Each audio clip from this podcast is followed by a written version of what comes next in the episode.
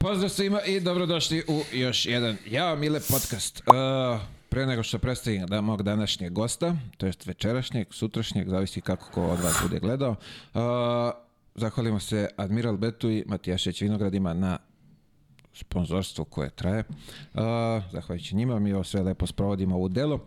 A danas ima izuzetno gospodina, jednog od, ja to volim da naglasim, jednog od najlepših ovaj, košarkaša koji su igrali na ovim prostorima.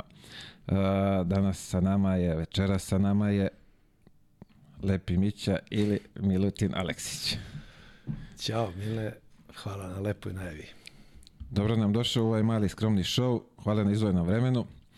Nadamo se da ćeš ovaj uživati u razgovoru, u čašicu razgovora. Da ćemo se prisetiti nekih lepih ovaj, prošlih vremena. Ja se takođe nadam i mogu te reći ovo je sve osim skroman razgovor, znaš. Misliš da smo...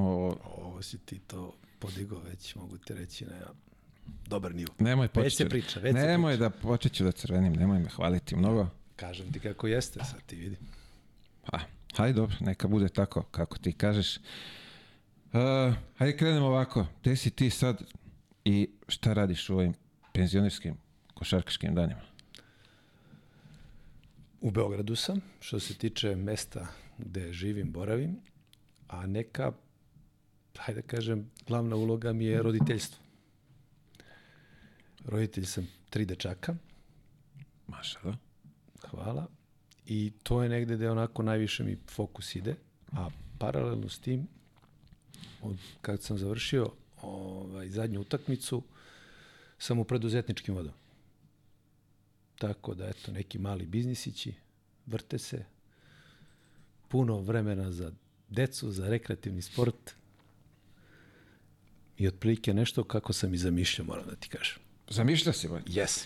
Pazi, mnogi ko, koje sam ovaj, pitao, niko nije ovaj, zamišljao da će to ovako da, da izgleda. Ja sam imao neviđenu želju i to mogu ti reći od vrlo nekog, da kažemo, da, ono, ranog perioda, da kad završim karijeru nemam jutarnju tu obavezu, alarm i da, da, da, da imam bilo kakav stres u životu da moram nešto. I onda sam, pa, mogu reći, na vreme počeo da razmišljam o tome jer sam prepoznao to u sebi, e, da obezbedim sebi uslove da sve što se u budućnosti bude radilo, bude lišeno tog stresa. Kad kažem to je jutarnje buđenje, da se negde stigne, ne kažem da se ne radi, nego kažem samo da ne bude po tim jutarnjim moranjem, eto. Jer mi to uvek jako teško padalo i dan danas mi jako teško pada, jutro. Ovo, ajde, dobro, razumem te donekle, ali opet, ajde, nema šta je kao neki stres, ali preduzetnički stres i kako verovatno. Pa da, nosi, nosi sa sobom naravno kao i svaka tako ovaj uložena neka energija i investicija nosi sa sobom neki određeni deo ovaj stresa, ali veruj mi i na tome radim da minimalizujem. Tako ulazim i stvari i generalno gledam da i tu ih izbegnem. Skoro sam čuo i, to je onako jedna na ovoj jednoj preduzetničkoj konferenciji ovaj, čovjek koji ima ogroman biznis i vrhunski to radi, sam bio kao preduzetnik. Znači, to je ljudi samo da znate čovjek koji ima probleme. Pa tačno je, ali opet mislim da, da su različiti leveli toga. Znaš, sve zavisi šta želiš, koji su ti apetiti, koliko... Mislim, generalno preduzetnik i kad si sam svoj gazda u bilo čemu radiš 24 sata dnevno. Ali generalno opet ponavljam, znaš, pitanje je do kog nivoa želiš da stigneš, do koje cifre, do svega. Tu je ta neka mera, ja mislim, ključna reč. Ko mene pitaš. Pa mera da, jeste, u stvari, ako si mnogo ovaj, pohlepa, to te onda vuče da, da kopaš i još, i još, svaki dan hoću još, hoću još, tako da... Pa da, to je puno, puno je to do individualno, znaš. Imaš ljudi koji mislim da nemaju uopšte ovaj, zacrtani limit, da prosto uđu u taj svet i generalno šta god da ostvare nikad neće biti dosta, to imam takav stičan barem utisak, a s druge strane mislim da obično fanatici generalno to ni ne primećuju. Oni uopšte ni ne vide, ja mislim, sebe, nego prosto to je unutrašnja neka borba ili zadovoljstvo kako ko gleda da se stalno granice pomeraju, tako da Ja to ne pripadam, barem još uvijek. Pa dobro, vidi, zavisi kako bu, biznis bude napredovao, Pa, a? kažem, svakakve neke stvari ovaj, imam na umu, uživam u njima, ali meni je prioritet nekako, ajde da budem iskren, ovaj, da se ne izgubi kvalitet života, kad kažem kvalitet života, to je malo šira, šira slika, znači, opet ponavljam, puno vremena i za porodicu, za prijatelje, za rekreativni sport, to su mi stvarno neki važni faktori. I mislim i da mi se ukaže neka šansa, ne verujem da bi me povuklo da, da sve to žrtvujem ovaj, u ovim godinama, sigurno. Čak sigurno ne, da, ovaj, da sve to izgubim zarad nekog, kažemo, ovaj, super uspešnog biznisa. Daleko od toga da su meni ambicije nestale, ali uvek vaga. Prosto, da li je to takav karakter, priroda, ili sam negde naučen, nemam pojma. a sad kad si rekao ovaj, rekreativni sport, šta je, šta je u pitanju? Ma sve. Sve. Znači, ozbiljniji sam rekreativac nego profesionalac, ali pet puta. Čekaj, ima, verovatno ima neka doza i takmičenja tu. Tako Ti da, nije normalno, to je, to je, ovaj, to je motiva otišlo... na pretek. Pa ne, ja ne znam šta se tu desilo, da li valjda ovo što sam ko, ko profesionalac gledao krivine. To je, ja prvo imam, ja mislim da sam, počet ću od futbala sredom, koji ja mislim da evo nema čovjek koji me poznaje da ne zna za tu sredu. Držim 8 godina, 7 godina, kad sam batalio bukvalno prvi ovaj, taj moment, sam uzao termin i dan danas ga držim, sredom. Igram fucu ozbiljno, sa ekipom, tu se promenilo milion ljudi, super ljudi upoznao, promenili ekipe protiv kojih igramo, s igramo, ali termin ostaje, ja pravim ekipu i to ti je ono haos. Jel biraš, pošto ti praviš ekipu, jel biraš ono najjače uvek od sebe? Ne, ne, ne, ne, uvek mi je motiv da... Ili ovaj ko donese ne, ne, loptu. uopšte, znaš ono kada dobijemo lagano i to, baš se loše osjećam. To mi, je- to mi je totalno, ono, nije, nije fora. Uvek gledam da igram protiv Fucoša, a da meni budu što manje u smislu Fucoša originalno, nego da su vole futbala, da, Da, da su da, bili da, da, košarkaši, ovaj, neki drugi sportovi. To je ozbiljno nadmetanje. Da, da, da. To se plaćaju golmani, to ti je sve otišlo u ozbiljan ovaj. Zajebaš. Majke mi, majke mi, to je sad ono, baš, baš ozbiljno. Čak ja i karte kad kupujem, ne da gledam četvrtak ujutru, vratim se u ovo u utorak uveče i to da se ta sreda ne propusti, znaš. I skoro smo se smeli, ovaj, zato što ja generalno volim i da se kao posle tog futbola ode na treće poluvreme, da se to malo ne I to je neki moj dan koji ono stvarno mi je ventil. I, o, I onda je to smešno kad mi padne, ne znam, ženje rođena ili neki 8. marti, nešto sreda, pa posle futbola nema tog trećeg polovremena, to je kod mene odmah alarmi se pale, znaš. Pa evo vidiš, mi smo sad kad pominjemo rođendan, prvo da gospođi čestitamo rođendan, Jeste. da je sećan rođendan, sve je Jest, lepo da to, jest. ovaj, nadam se da ste, mi smo, moram reći da smo pomerili emisiju zbog rođendana, da ne bi remetili. Hvala što si pomenuo. Hvala Izašao sam ovaj u susret i tebi i gospođi. Jest, jest, ovaj, još jednom sreća rođendan, svako dobro. Hvala. Ali je ovaj, zato i razumem sad da moraš da gledaš Jeste, jeste. Gledam, mislim, to je sreda, ali kad si me pitao, to je futbol, znaš, i to stvarno mi je nekako ostalo. Voleo sam ko mali da igram futbol, onda sam izrastao, pa je bilo sve to malo teže. I jeste nezgodno za dvometraša. Znaš, svi me pitaju, pa na koju foru toliki, i ba, ba, ba. Na, nije naivno, mislim da ne smeš da se ugojiš, to je moj uvek savet, znači čim malo dobiješ negde, to je baš opasan sport, jer puno je kontakta, puno je tih startova, iako tu nema zle namere. Ali ovaj, nekako sam opstao. Ali iskreno ti kažem, i vodim računa da opstanem, ako me razumeš šta hoću kažem. Znači, i da se zagrejem dobro i da to stvarno bude, ovaj, ajde da kažem što u tim okvirima moguće najbolje pripremljeno. Ali ovaj drugi sportovi su mi isto uzeli. Tenis recimo igram baš dugo i sad u zadnjih godinu i po dana navukao sam se na ovaj padel, to je najstrašnije. To ću da te pitam, viš što mi je sad na pameti, to, To je- hoću da te pitam, moja neka ekipa, moja neka igra, Ma to je genijalno, uručili su mi poziv, to je genijalno. tako da se malo, probao sam, zanimljivo je, Da, znaš, vidi, ja sam uđeš, igrao skvoš, isto je to moram ti kažem, i skvošu sam bio jedno vreme baš dosta i onda mi je to pomoglo, to to, ima ovde kod nas ili preko? Ne, ne, ne, igrao sam i preko, ali ima kod nas dva, tri ovaj, dobra terena. Bilo je nešto u Pionirskom gradu, pa su sad izmestili i tako dalje, ali ima skoš da se nađe dobar. Na Bržanijskoj kosi ima sad jedan da idem najčešće. I, ovaj, i onda mi je on pomogao malo u padelu da ga brzo uhvatim, znaš. I stvarno, i plus tenis, a to je u stvari i mešavina ta dva sporta. I generalno, genijalan sport. Stvarno, ono, totalno sam se ovaj, navuko na njega i on mi je sad u toj nedelji, ali generalno mene šta god da pozoveš i ono odbojka na pesku i ovo, ja ne propuštam to. Sve, da, sve prihvataš. Sve, sve, sve. I stvarno uživam u tome, jer valjda to je ono kad prilagodiš sebi, znaš, kad nema, ni ono zacrtano kad šta moraš, kad nisi po tim, opet ponavljam, drilom pritiska, onda je ovaj, valjda to taj moment koji me stvarno ispunjava nevjerovatno. Nevjerovatno. Pa vidite, uh, dobra je stvar. Ajde, kad smo već kod tog rekreacije, ja sam sad posle tri godine krenuo sam ovaj da, da vežbam. Tako da, onako, zanimljivo je i ono vučete kao, e, ajde, vraćamo se. Vidi, Mile, ja ne bi da zvučim da delim pamet, ali ja mislim da mi nemamo luksus da ostavimo sport tako brzo. To je moje mišljenje. Mi nemamo uopšte taj luksuz, ja pričam sa zdravstvenog gledišta. Jasno. Znači, mi prosto smo, prvo što smo visoki, što nama srce pumpa određenu tako količinu krvi mnogo veću nego prosečnom čoveku, sportsko srce je uvek malo uvećano i tako dalje. Ja mislim da je to jako veliki rizik ko uradi.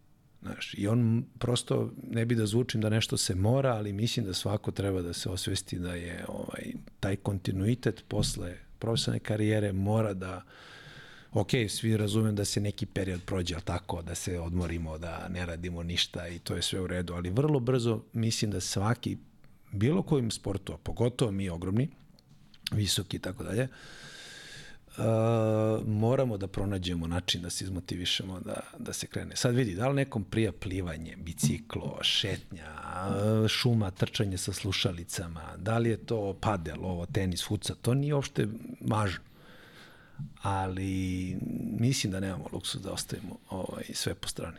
Pa sad ovako, kad to kažeš, e, skoro sam negde naletao na neki podatak da čak i, i brzo hodanje Genijalno isto održati formu tako i je. sve, tako da bukvalno trebaš samo podigneš neki puls, da onako da je malo, tako malo jači je, da, da, kardio. i da cepaš, da. Ma bilo koji vid, mislim, generalno ne, ne vidim uopšte da... Ne hoću kažem da ljudi koji slušaju ne, ne mora znači da moraju da ovaj, idu da traže sad zato sportove sam, zato izaberu. Sam i, zato sam i napomenuo da uopšte nije važno kojemu i plivanje recimo isto za ljude koji imaju neke da kažemo i hendikep i defekte i tako dalje i teško im pada bilo koja da kažemo dinamična ovaj, vrsta sporta bazen je nešto što isto može pa dužinski malo pa da to traje da nije brčkanje samo i ono skakanje bombe. Ali generalno stvarno mislim da je jako važna stvar. Pa evo tu smo sad uh, ti si to lepo izneo pokušat ćemo da osvestimo publiku ko bude želeo moje mišljenje da, ali da čuje. mislim da je... vidi mi ovde pričamo. Njihove, je, oni njihove, slušaju, da li će primeniti, neće, ne znamo, ali ljudi vežbajte zbog vašeg zdravlja. Slažem se. Pogotovo danas to kako se ludački živi, koliko je sve nekog stresa, pa, sve neka jurnjava. To, da, meni nađete... recimo taj sport upravo budi taj akumulaciju te izbacivanje negativne i kupljenje dobre energije. Znaš, lakše podneseš i decu i ženu i obaveze i sve ono dranje. Znaš, jer ja recimo kada uđem u neki period gde mi se nakupi da nisam istrenirao, mislim, mene, mene takva sitnica izbaci da to nije normalno, razumeš, iz takta. Jer ja mislim da to jako uvezano sa, sa glavom. Znaš, Mene da... to radi na gladu, brate. Ja kad sam gledao. Znaš, on nisi sam svoj, e, to je... Pa, otprilike, to, ja e, otprilike taj, taj osjećaj. Da, kad si gladan, neka ta poluanksioznost, nervozna, osetljivost, razražljivost. Bukvalno glupost da, neka. Glupost ja neka. isto, a pri tome kažem, ja sam i ono, i, i, i ajde kažem, i ono, visoki i onda mi malo uh, neretko dođe situacija uh, da i onako osjećam i bol u leđima i ovo i ono i stalno imam taj neki, neku nekomfortnost kad nisam nešto istrenirao, uradio nešto na svom ovaj, telu, na, na nekom ovaj, tom fizičkom delu. A evo, skrenuli smo pažnju i ljudima i mi smo, ovaj, kako se zove, tu smo, pratimo, rekreiramo se, da. to je ono bitno. Ne mora ovo da bude fanatično, to isto, jer, jer pazi, imao sam jednu skad skoro, to je interesantna stvar, uh, gde sam shvatio da nama stvarno ostanu neke ono posledice od tog profesionalnog sporta ovaj, ozbiljne. Ustanovili smo evo za godinu dana ovde od, od svih gostiju koji su bili da profesionalni sport nije zdrav. Pa ne znam, To je da, li- da, svih ne, bi, ne znam smo- da li bi ga mogao nazvati da nije zdrav, ali da nosi sa sobom jednu ogromnu količinu uh, neću ih nazvati devijacija, ali nekih i mentalno i fizičkih stvari na kojima mora da se radi, mislim da, da, se, da smo saglasni svi. I e, reći ću ti da sam sad imao tu jednu situaciju skoro ovaj, na baš tom padelu, to je bilo znači, u septembru prošle godine kad sam ja možda odigrao 5-6 mečeva, jedan momak me tu nešto kao prepoznao, kaže nezgodan si, visok si, vataš to dobro, kao igramo turnir, znaš. Ja kažem, pa dobro, znaš, nisam još za turnir, znaš, uhvatio sam ovo tek par puta. On kaže, ne, ne, ajde ti sa mnom, on je tu dugo, bio neki humanitarnog tipa i, ovaj, i onda mi je bilo glupo da ga odbijem. I, ovaj, i krene turnir. I sad, znaš, ja onako imao neke obaveze, to je vikend, za vikend si igrao, i odredim to, prođem prvo kolo, vidim opet drugo kolo, ja ono pomeram te obaveze, ručkove neke, ovo ono, prođemo i trećeg, kao sutra se nastavlja, mi prođemo i čeva papa pap, polufinale. Ne znam koliko kola je prošlo. Dosta. Sad meni nije jasno, tu ljudi igraju dugo ovo, ono. I polufinale neko, ovaj, gotov meč, dobijamo. Igra se ko, znaš kako se broji tamo, ko u tenisu sve. Tako je, da. I sad imamo prvi set i recimo 4-2 za nas u drugom. Gotovo. I 5-2 dobijemo, oni neku vraćaju lopticu.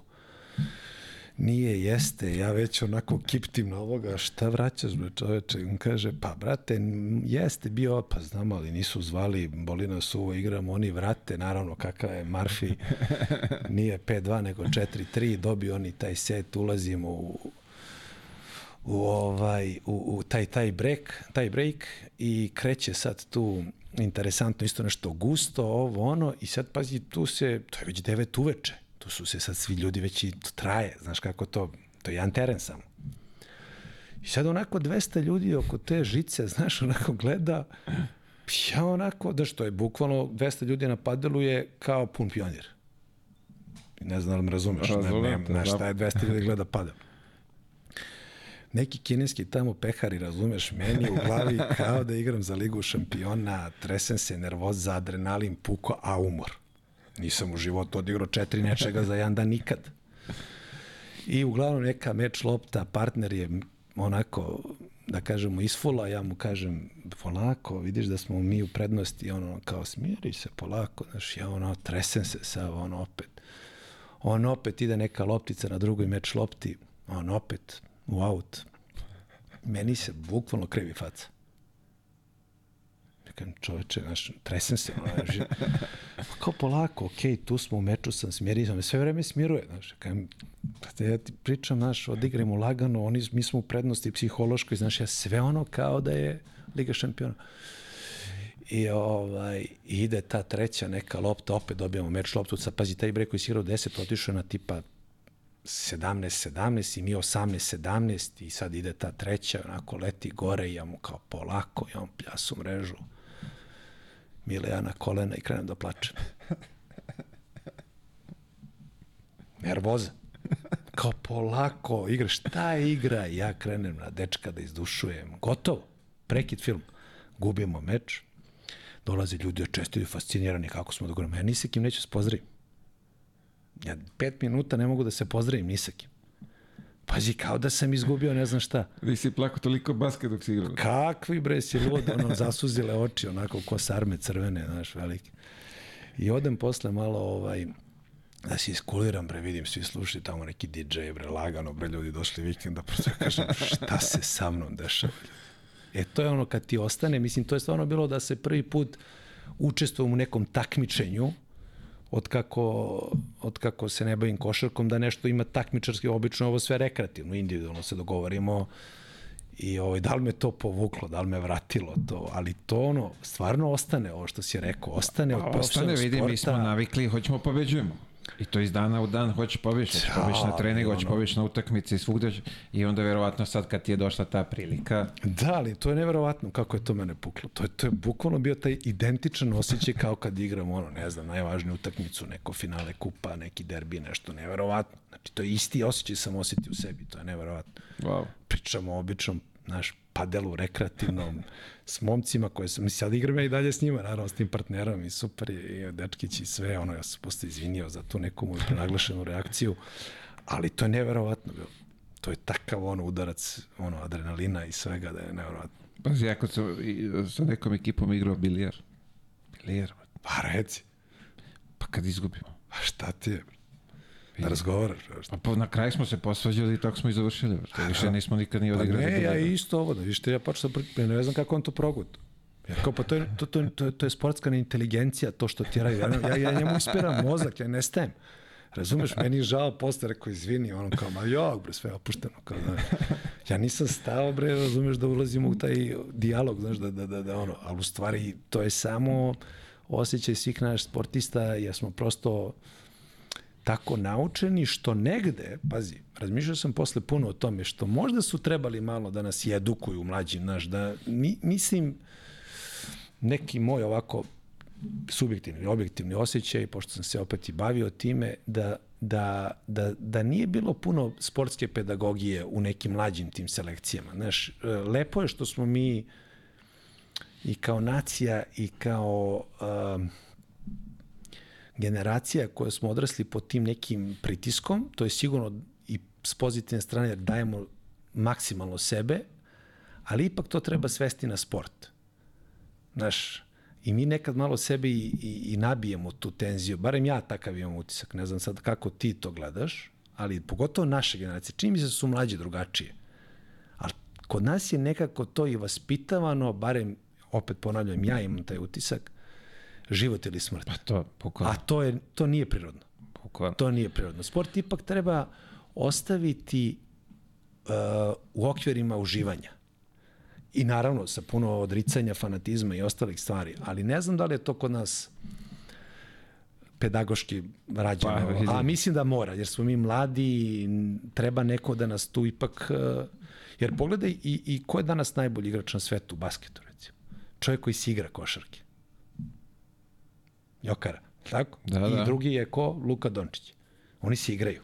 Njima nije neko ubio tu bare meni ne deluju, da oni ne igraju taj na život i smrt, iako su predani maksimalno, razumeš šta hoće ti kažem? Pogotovo tamo u toj ligi gde su Nemam iskustva, to ti imaš da... fizikalije i sve, gde je ono, Da, to, a, da, znaš, da. samo na snagu da je ovo i onda dođe odvojica belih. To je posebna tema, to je, to je tek tema, to ja pričam svime, mislim da su oni ozbiljno devalvirali tu floskulu kako je NBA i toliko a, jak atleticizam izražen da ovaj evropski stil košarke ovaj ne može da se igra. Pa mislim da su ova dvojica zapečatili, poremetili su. zapečatili taj Malo ovaj Grk to remeti sve ovaj, sa svojim. Da, on je ludilo, da, on je, on je ovaj, ali, ali, kad pogledaš ali opet- Evropljana koji ali opet su ova dvojica mnogo dominantnija u smislu brojeva i igre. Ne kažem da ovaj Grk ne igra ovaj svemirsku košarku, ali neko moje duboko mišljenje. onako i pripada više njima nego, nego vama nekoj evropskoj košarci. Kako god, ali hoću ti kažem, ova dvojica su, mislim, za, uvek promenili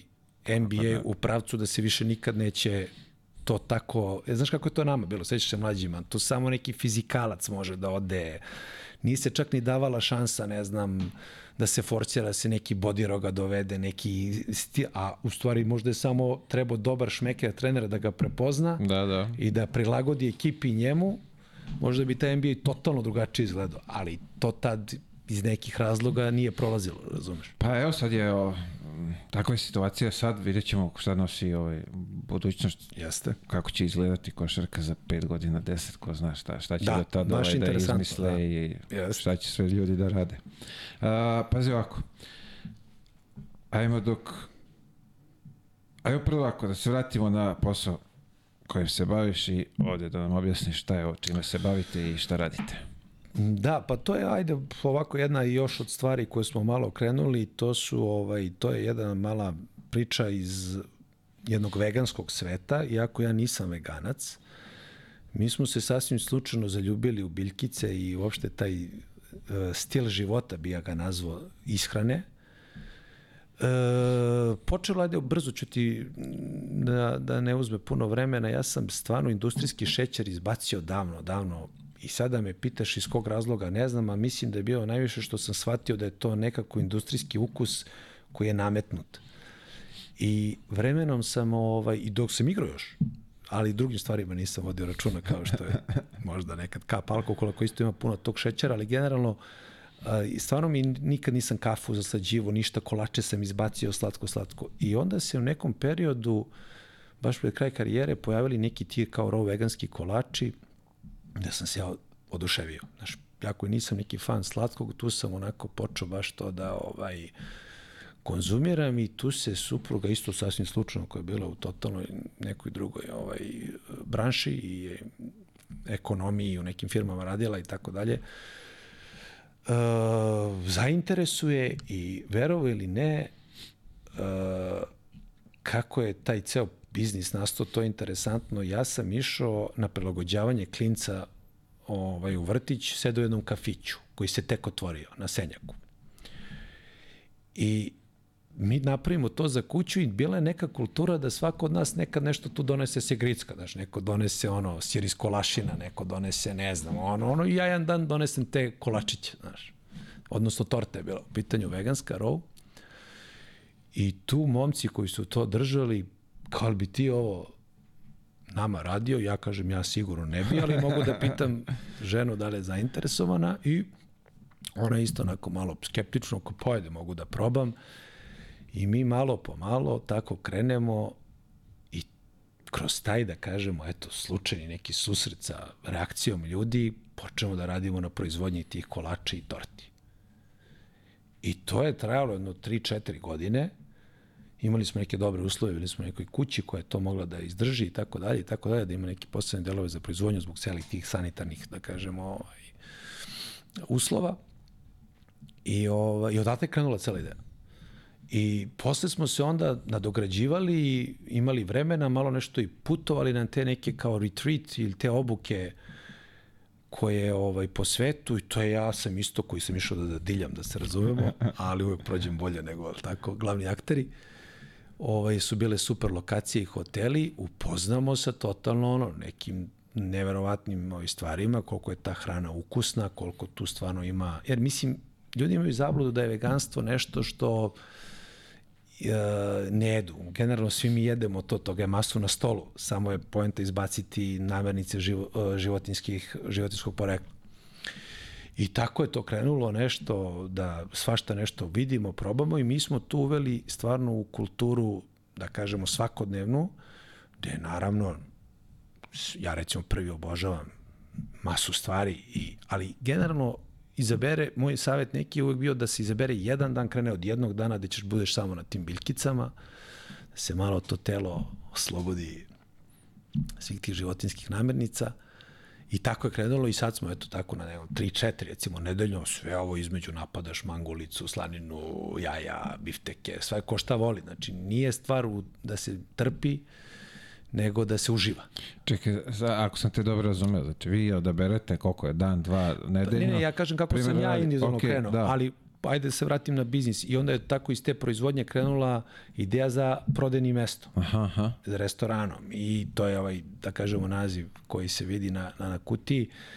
Je generalno nešto što smo sad otvorili, podigli na neki viši nivo i tako dalje i Bože zdravlje, bit će još na nekoliko lokacija i tako dalje, ali generalno ajde da kažemo, biznis našo nas, ne mi njega. Prosto hoću da kažem samo da je takav bio put ovaj, kako je eto, došlo do neke preduzetničke ideje.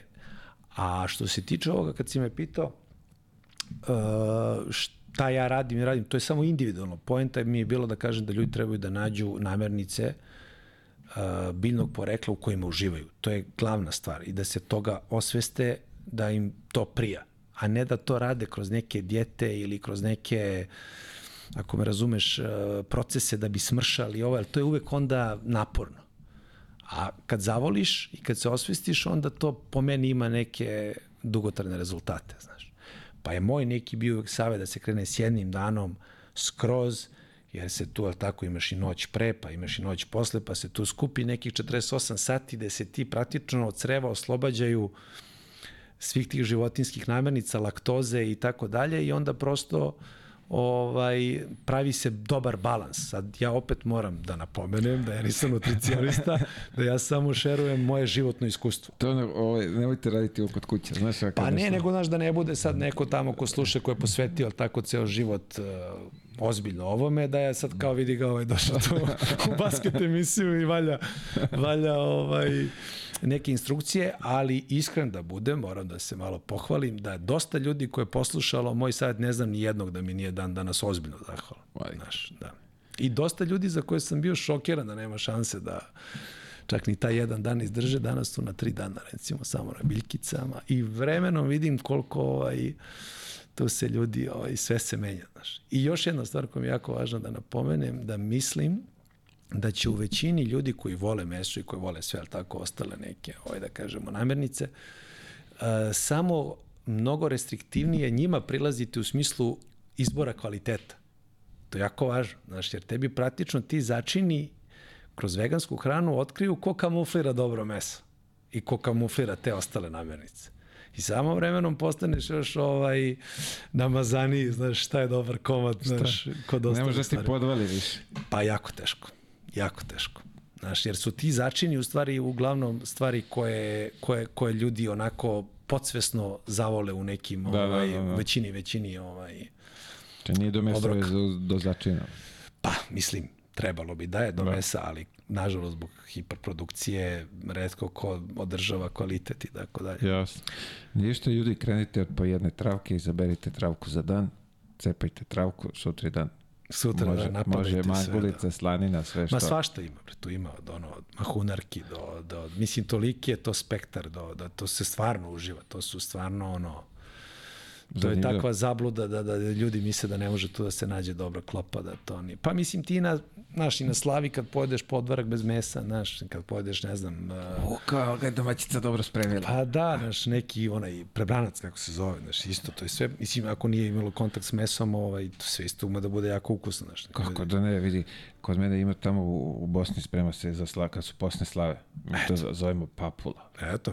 Matori. Pa reci. Vidi. A može šta hoćeš. Mnogo jaka stvar. Meni nekad zapadne, znaš, kad su mi ti, ja recimo petak nikad ne kršim, to mi je kao nešto, znaš, zbog pravoslavija ovako uopšte lep, lepa neka, da kažemo, tradicija nastavljam, da petkom nikad to ne krši, onda mi nekad zapadne neki dobar ručak ili slava neče, onako ljudi se potrudili, a meni u petak, znaš. Ali ja uvek to pripremim i onda, znaš, malo, i uvek nađem, bre, ono, masu stvari na stolu, nesvesno, ljudi nisu, da, da, znaš, da, koliko da, tu ima. Da. Ma kakvi, šta ćeš, uživaš. Carski, bravo. Uh, ovako, ajmo na ove trenutne teme, uh, basket, pratiš, koliko pratiš? Full. Zebaš? Ma da, Euroliga mi je baba roga. Znači, ja ne znam, ono, moje skromno mišljenje da je ona ove godine i prošle pogotovo zanimljivije od NBA-a duplo. Iz moje tačke gledišta. Ajde, taj NBA playoff ume da se malo zakrvi, ali ovo je od prve utakmice do zadnje spektakl. I ovo kako su se, nažalost, zbog ovih ruskih ekipa svi nabili u ove ekipe, meni je ovo level fantastičan. A pa sad A, kad pričaš o tome, izvini, kad pričaš o tome, evo sad je ovaj, uh, ti sad ni, ni sa koliko, 17, 18, 19 pobjeda nisi siguran reci. da će da uđeš u, u top 8. Reci to i reci sada jedna, naš, jedan Efes ne ulazi sa ekipom pojačanom i toliko iskustva, znači ja im računam i onu prvu godinu da su uzeli ono kad su im skratili zbog korone, da, tad su da. bili po meni najdominantniji, znači tri godine za redom takva superiornost, oni su deseti, ali tako, neće ni deseti možda biti, nije ni važno sa 17 da ne uđeš, to samo govori koliko se ona diže. Koliko se ona diže na jedan nivo gde ti ono, imaš i ovu albu koja je zadnja gde ti apsolutno ne smeš da odigraš protiv njih nikad. Mi smo, ovde, bar ove naše ekipe iskustvo poslednji dođu, ometla ih ovde na njihovim terenima. bre, kakvi. Pa i ovaj Asvel isto, isto on je među, će biti među, tako, poslednjim isto, tako nezgodna ekipa i da se dobije i u Francuskoj na strani kad, kad pričamo, pazio, pričamo o Aselu koji, ako sam ja dobro video podatak tamo, što su ovaj, Parkerovi izbacili da je ove godine 16 miliona budžet, tako nešto. Sledeće 18. Ima tačno, izbacili su onu njihovu tabelicu koliko će da ulažu svake godine. I poslednja proma, ekipa, promako zamisli. mi je taj podatak, mislim, toliko daleko ne idem da pratim to, ali ovaj, vidiš po rosteru, bre. Nemaš ti to šta da, ono, vidiš ti kakve su toale na terenu. Ali meni je Liga, ono, Euroliga stvarno uživanje. Znaš, i ono, bukvalno mislim da ide u nekom pravcu da će da bude popularnija od NBA. Do te mere mogu, mislim, ne brzo, ali ako bi se išlo ono, neki utisak, jer pazi, ima tu sa NBA-om jedna, NBA-om jedna stvar koja ljudi neretko neće da priznaju, a to je da ceo taj ambijent utakmice od 100 ljudi, 100 ljudi mi je reklo da su full razočarani kad su se vratili Sa NBA utakmice. sa NBA utakmice. Prvo, znaš, taj osjećaj publike i osjećaj adrenalina koji sama utakmica budi ne može da se poredi. Ja čak, kažem, nisam išao na NBA utakmici, ne mogu da tvrdim, ali tačno dok mi pričaju, takvu ja imam sliku o njima. Znaš, da li će cepaju hamburger ovo na, između četvrtina, da li će da pojedu kokice, bave se stvarima koje nisu na terenu. Vidi, to je biznis. Ne, ne, ne, Njima, ne. Njihova liga je biznis. Ja, ne, ja uopšte ne ulazim u to da Što to na tako ne, terenu, šta se dešava? Oni, njima je poenta da oni prodaju te hot dogove, piva, šta god. Ok, rezultat na kraju, naravno, bitan je, ali za franšizu kao franšizu, njoj je bitno koliko će proda čega za vreme utakmice da vidi da li može da zatvori tu godinu. Ja sad i ne ulazim u to da to tako ne treba ili treba da bude, niti bi to dao sebi za pravo da pričam. Ja sad samo govorim da uh, NBA generalno je, baš možda zbog tog iz tih finansijskih, da kažemo, razloga, duboko ostavlja nezadovoljstvo kod jednog dobrog dela publike. Samo o tome govorim kojem ja pripadam isto. Znači, jer ja nekako želim to viteštvo na terenu da mi bude dominantno. Sve ostalo, da li je stolica ove boje, one, da li su čelidersice na timeoutu ovakve, onakve, da li je hamburger u hodnicima ili ne znam šta se prodaje, hot dogovi, valja šta tamo sve može, ono, Ima kokice, sve. ne znam, nisam bio. Kažem, taj deo nama nije bitno, barem ja pričam o kulturi košarkaške publike u Evropi. I taj deo mislim da će polako da, da, da, da, da Evropa, uh, ako se nešto radikalno ne promeni, mislim da će se približiti NBA. Iako je to bilo nezamislivo do pre par godina. Pa pazi, Ja oni sam ubeđen, već, so, oni ako, već ako ovde... ovakav bude, izvini samo, ako ovakav bude rast, kao što je zadnjih 5-6 godina, ja, ja kroz jedno 10, 15, 20 godina mogu da zamislim da Evropa, pogotovo nešto što su sad pričali da će kao pravi istok zapad u Evropi i da se približe tom njihovom konceptu, jer definitivno neke njihove stvari, bare meni tako izgledaju, treba uzeti. Jer pogotovo se sećamo na izjave, to je sve nas frapiralo uh, gazda Panatanikosa pre 5-6 godina, ili kad su ono uzeli triplu krunu, i ona ovaka imala neki prosek što evroligaških, što uh, grčkih utakmica 18.000 i on je rekao, gospodo, ja poslujem neprofit, neprofit, neprofitabilno. Znaš, to se svi zapitamo. Da, da. Znaš, šta ja sad više trebam da uradim da bi se meni vratio novac. Znaš. Ne, ovde se bar u Evropi je to Da. rupa bez dna. Znači, mislim, iz te perspektive trebamo razumeti da NBA treba uzeti masu stvari. Pazi, ne, ne znam, aj, kad, kad smo već kod te teme, ne znam koliko možemo i sa, ovde u Evropi da se izvorimo sa futbalom, znaš, futbal je ovde prioritet. Uh, tamo imaš NFL, imaš ok, ima, svašta nešto ima, zavisno ko šta voli, veliko je to tržište, ali ovaj, Ja ti mislim, ovde u Evropi ne možeš da prodaš, evo sad kad pričamo o tome, ne možeš da prodaš onaj seat ono, za 1000 dolara. Kartu. Mo, opet ponavljam, tamo ide, tamo je u moje mišljenje- ekipi je moje ono mišljenje da će 300 se to približiti. Ne sad možda kao u NBA-u. Prvo mislim da će i standardi neki se postaviti takvi da ti stvarno kad platiš to gledaš takvog igrača. Kao što po meni ide ka tome. Uh, opet ponavljam, znaš, jedan Luka Dončić, ako sam dobro razumeo, izbaci da prati Zvezdu i Real, da ne prati. Znaš, mislim, hoću ti kažem, ne, ne, sport ne može da vara. To je poenta. Ovaj, teren ne može da prevari nikoga i ti ne gledaš ti to zato što kao gajiš simpatije, nego iz razloga, iz razloga što, što generalno si u situaciji da, da, da više uživaš gledajući nešto. Tako da ja mislim da je ovaj nije nedostižno, jeste daleko od NBA-a, to je definitivno i tih cena, ali ako bi se ovakve atmosfere radile ko što vidim da ovo izgleda u Kaunusu, ovo u areni što radi Zvezda, u Partizan što radi Zvezda sa svojom publikom, što rade neke ekipe, mislim da tu ko hoće može da prepozna ogroman potencijal. E sad, taj futbal, ja se slažem da u Španiji sa onim futbalskim terenima kako izgledaju, to je nemoguće, ali da dođeš da su hale 15-20 hiljada popunjene, brzo će to da dođe na, na to da ti ta foteljica u zaotleniju košta malo više nego... Pa ja, ja mislim da će to da bude srazmerno rezultatima. Ti Koji? možda prodaš, pa lupam Partizan sad.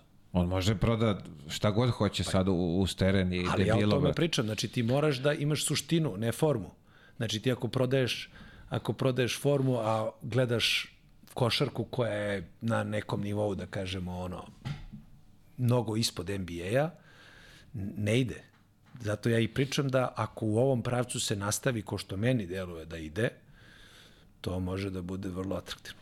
S obzirom kako se ovde kod nas ovaj, sponzorišu klubovi, Pa vidi, nisam, može... u, ti, nisam u tim strukturama, Nisam ni ja, ali Nisam, po, znaš i sam bio si u Zvezdi, sam... brate, znaš kako je bilo, nema plate, nema ovoga, pa, pa ovaj kad se da, pa... time, ovaj, ono je sa zatvorom. ovaj, to nemoj da... da ovaj, Ovde se na jedan poziv sve menja, tako da, da vidi. Da, da, to je, to je neki deo koji ja ne bi ulazio, ja bi uvek volao da to, ali tako... Ja bih ovaj... volao da funkcioniše savršeno, da bude samo iz godine u godinu sve bolje i bolje. Tako ali je, bojim tako se da... I, i, znaš šta, i znaš šta isto ja prepoznajem potencijal, uh, zašto to tako toliko verujem, što u današnjem svetu gde je tako 90% stvari toliko po mom mišljenju uh, ušminkano, sakriveno, da su ono, sve inženjering, sve su neke agende, ali tako ovo. Naš sport je još jedino mesto i taj teren je ostalo da ti možeš da gledaš tu ono, real fight, znaš, ono, pravu borbu, viteštvo to je ono što ja mislim da će narod vrlo brzo iskristalisati sve ostalo, jer sve i, i muzika, filmovi da ne pričam, sve, sve se podilazi. Sve je ono da se udovolji nekim političkim agendama, regulativama, normama, barem ja tako stiču. A reki mi, a sport je još uvek ostalo ono, znaš, evo, tu sam, ajmo da imam. Dobro, ima fajta i, ovaj, i pored terena, tako da... I u dalje to, to nam je ostalo isto. A misliš navijači ovo? Pa da. Pa dobro, da. Pa dobro, to daje malo draž, da. samo da se ne pretera u pa, neke zato... ekstremni neki huliganizam. Nadam se da neće, nadam se da neće. Ja, A, ajde ovako, Zvezda nije se plasirala, čekamo, ovaj, čekamo Partizan da to overi u slučaju da to sve završi kako treba. Kako vidiš njihove domete? Uh, dometi su, prvo mislim da, da se igra fantastična košarka u Srbiji. To kad kažem Srbiji, mislim Zvezda i Partizan. Ja mislim da prvo svi treba da budemo zahvalni i privilegovani što u ovom trenutku takvi igrači izlaze na teren i takvi treneri rade sa njim. To je moje mišljenje. Od početka sezone, dok još niko nije ovaj znao gde će ko da završi. Čak i u nekim momentima, iako sam ja ovaj, deklarisan, naravno, veliki zvezdaš, Partizan je meni od prve, treće utakmice kad je ono napravio nekih par propusta, ja sam rekao ovo je po mom mišljenju stvarno ozbiljna košarka, samo je pitanje vremena jer igraju prvi put Euroligu, taj koncept da će sve da se složi. Kod Zvezde, I naravno ja sam imao prilike tu zadovoljstvo da radim malo sa Željkom i generalno to što on radi, ja stvarno smatram da je nešto što je najbolje u košarci evropskoj. Uh, kod Zvezde je stvarno neki neverovatno čudan splet okolnosti se izdešavao. Sve, znači, ono, krenuli su s mladim trenerom, možda svesno, možda nesvesno da ga izgore dok ne vide neku bolju opciju.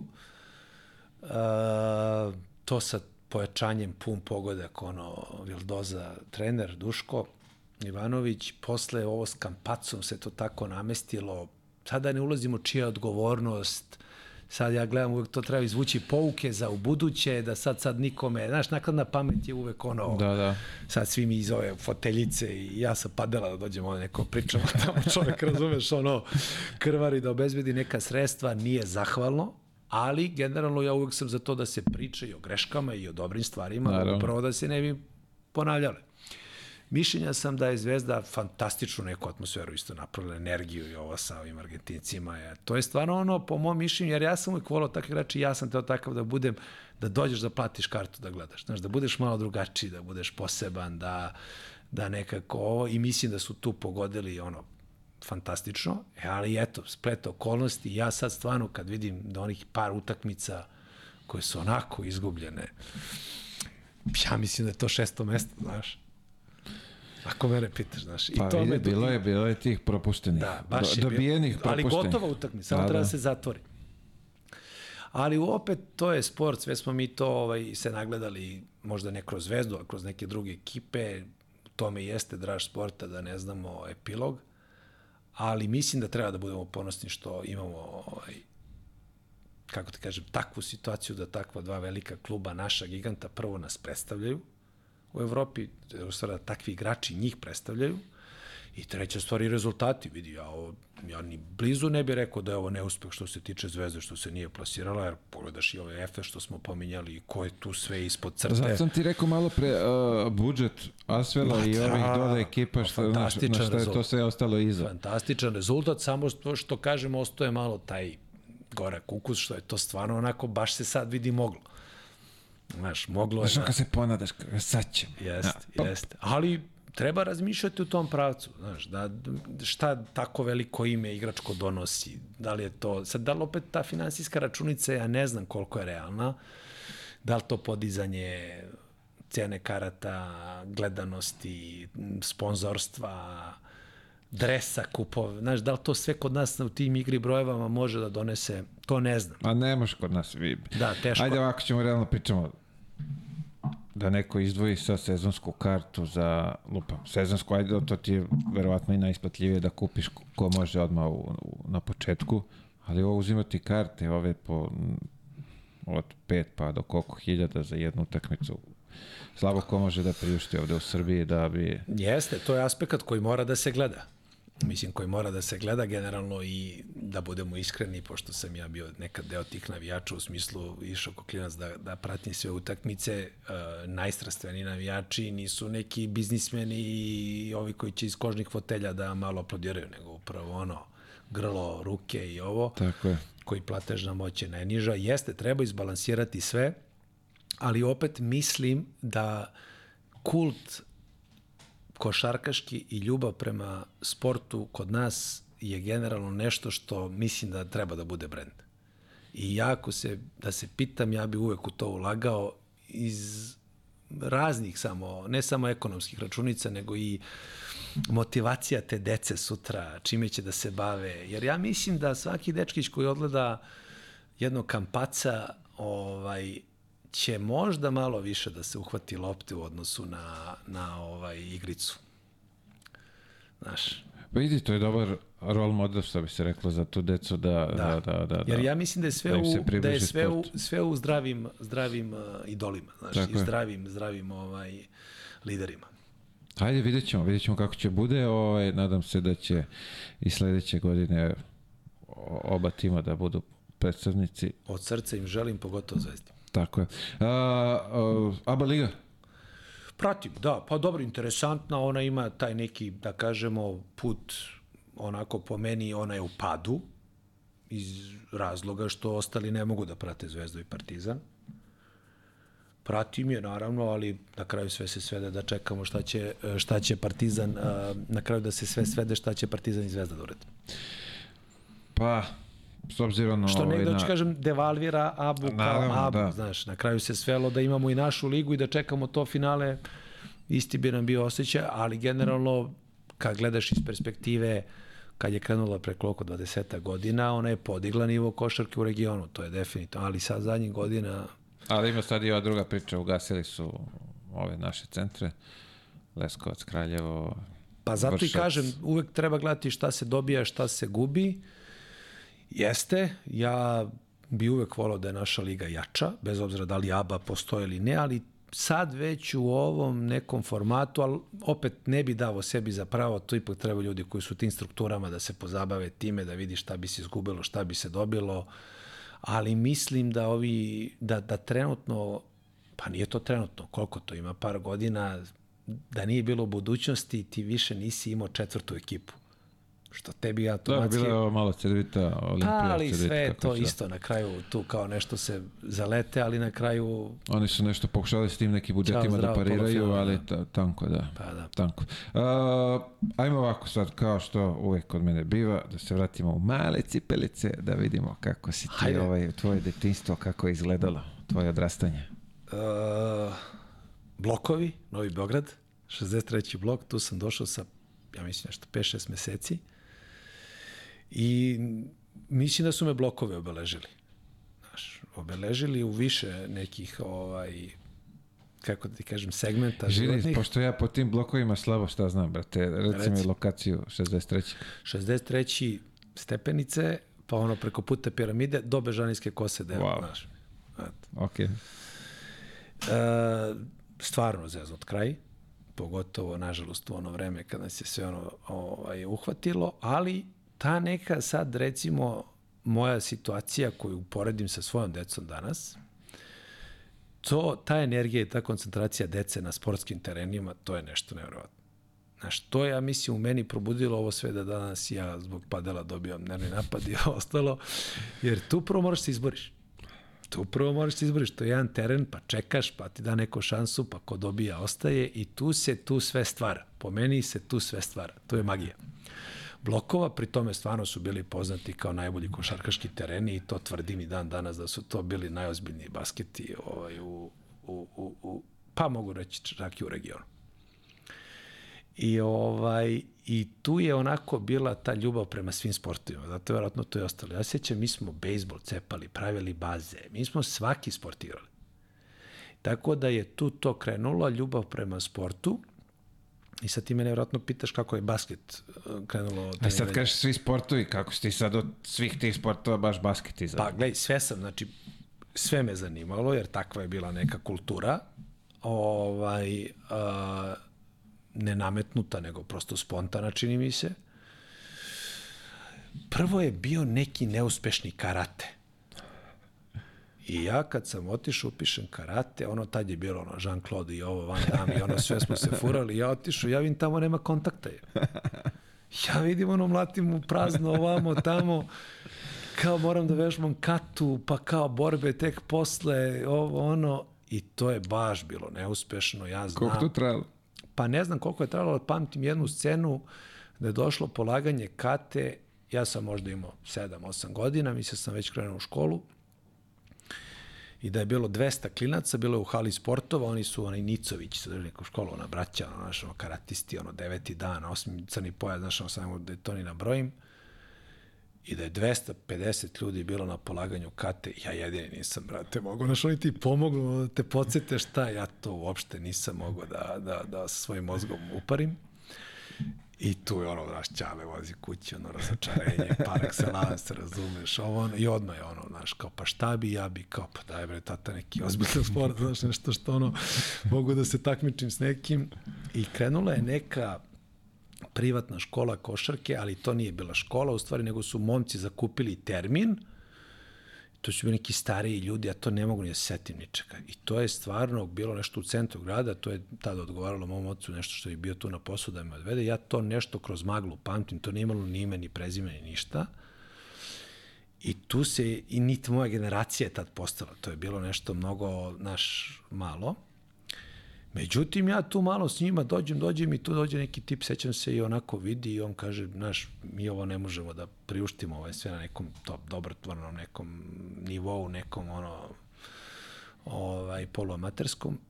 I on mene pošalje na trening kod, ne, kod uh, u Zvezdu 79. godište. Ja sam 82. Dragan Jakovljević, trener. Znaš ko je Dragan Jakovljević? I Kagi Jakovljević mene uzme i krene da me driluje i cepa i ja sve sa njima full time. Ja ne znam i sad kako. Evo, verujem mi, treba ga negde da ga sretnem da mi to ispriča. Zaustavlja trening, objašnjava, vidiš kako ti ovaj uradio ovo, ono, meni samopouzdanje puca, znaš, kakvi, ja sve tu sa starijima, dok nije to došao čuveni Zdravko Kubat, trener tih, tog podmlatka Zvezde, stravičan autoritet, tad ono, ne može niko ništa ni da mu ovaj, prigovori, samo me pokupio i 81. generaciju. Tako da, Mile, moj Opet ceo... u stari. opet u starije godinu dana, to je tad velika razlika. Ovaj, moje celo detinstvo se vezuje za Crvenu zvezdu. Što si rekla, od malinog? Od malih nogu. Čekaj, bilo je tu neko i maštanje, pretpostavljam to kad si zavoleo basketaru, onda javilo se tu, verovatno. Jeste, jeste, jeste, jeste. Kažem, opet ponavljam, voleo sam sve sportove, čak sam sećam se i to mi je ostalo, sam se budio sa ocem da gledam Mike Tysona, recimo, u pet ujutru. Pravo, to mi je ostalo. da, da. Oni čuveni mečevi. Znaš, stvarno sam voleo sport. Ali onda... Beše Jovan Memedović prenosio, Jeste, tako? da, onaj humor Da, njegov, da, prvi, on je onako uvek ubacio neku, onako začinio malo prenos, ono. Kad je to? Koliko smo mi matori u stvari? Baš smo mater. Ja sam, mislim, ne znam da sam išao u školu, ono, i bio, bio smrtno ljut, jednom je, jednom je preskočio, su ti meči bili ono 5-6 ujutru, a ovaj, tata mi je voleo sport, nije uopšte bio niko iz sporta, niti se bavio, ali je voleo to da ga gleda samo, znaš, to isto interesantno, ali me je prepoznao, znaš, ono, kao, voliš to, ajde, znaš, da ti učinim. Tako da, maštanje jeste bilo ogromno, mašta bujna. Mora si veruj, nađeš nekog, bujna, šta bi bujna, to, do, bujna, dokle bi da stigneš. Pa dobro, znaš šta, ja mislim da ne postoji čovek u to vreme da je voleo košarku, a da nisu dve dominantne bile, to je Magic Johnson, Michael Jordan. Mislim, to je toliko bilo izraženo tada da to nije, o, ja mislim da to nikad neće ponoviti. Takve dve figure u košarci, ovaj Lucidan, ovaj ubica, znaš, tako da sigurno pamtim, ono, imam i dan danas neke šolje su mi ostale i posteri su bili u Jordanu, kompletna soba. Jeste, bile su to sve, ovaj, bile su to sve neke ono ambicije i želje i tako dalje. Nije bila mogućnost da se gledaju te utakmice, pa smo nabavljali kasete, sećam se, pa je bilo onaj tri filma što je snimio ovaj, Michael Jordan, ono, A, Space Jam, sećaš se onako svašta nešto da, bilo. Da, ono, da, da, da, ne to smo valjali posle, ali to smo već malo stariji, znaš. To smo već malo stariji, mislim da je to ono 12, 13, 14 godina. A ovo rano je krenulo, eto, kažem ti, ne mogu setim tačno godine, ali Zdravko Kubat je neko ko je obeležio moj uh, najveći deo, da kažemo, ne najveći, nego kompletno, ceo taj uh, podmladak, sve do prvog tima dok me nisu uzeli. I večno sam mu zahvalan, zaista. On je, ne znam koliko ti je to poznato, on je još od Uci Simonovića izbacio u Zvezdi. Jebaš. Pa Kapičića, pa Moku Slavnića, pa kod njega su, ja mislim, prošli Sala Obradović i Tomašević i svašta je nešto tu, ovaj Peđa Stojaković. Wow. Da, da, on je bio onako vrlo jedan autoritativan tip. I on je mene obeležio i stvarno to je nešto onako usađeno kod nas, to je jedna vojnička disciplina. To je, mislim, svako ko, ko njega prošao zna o čemu pričam. To je bio jedan tip koji onako je to digao na nivo bukvalno vojske i disciplinu i sve. A isto tako što negde me i možda kroz karijeru posle i možda malo koštalo i to neko poverenje, znaš, ono, poštenje naš beskrupulozan je bio, naš nije, nije mogao niko da utiče ni sa novcem, niti bilo koji roditelj, ništa, ništa. Znaš, Nije bilo kod tebe u ovoj selekciji ne. tata plaća gura, nema pa šanse.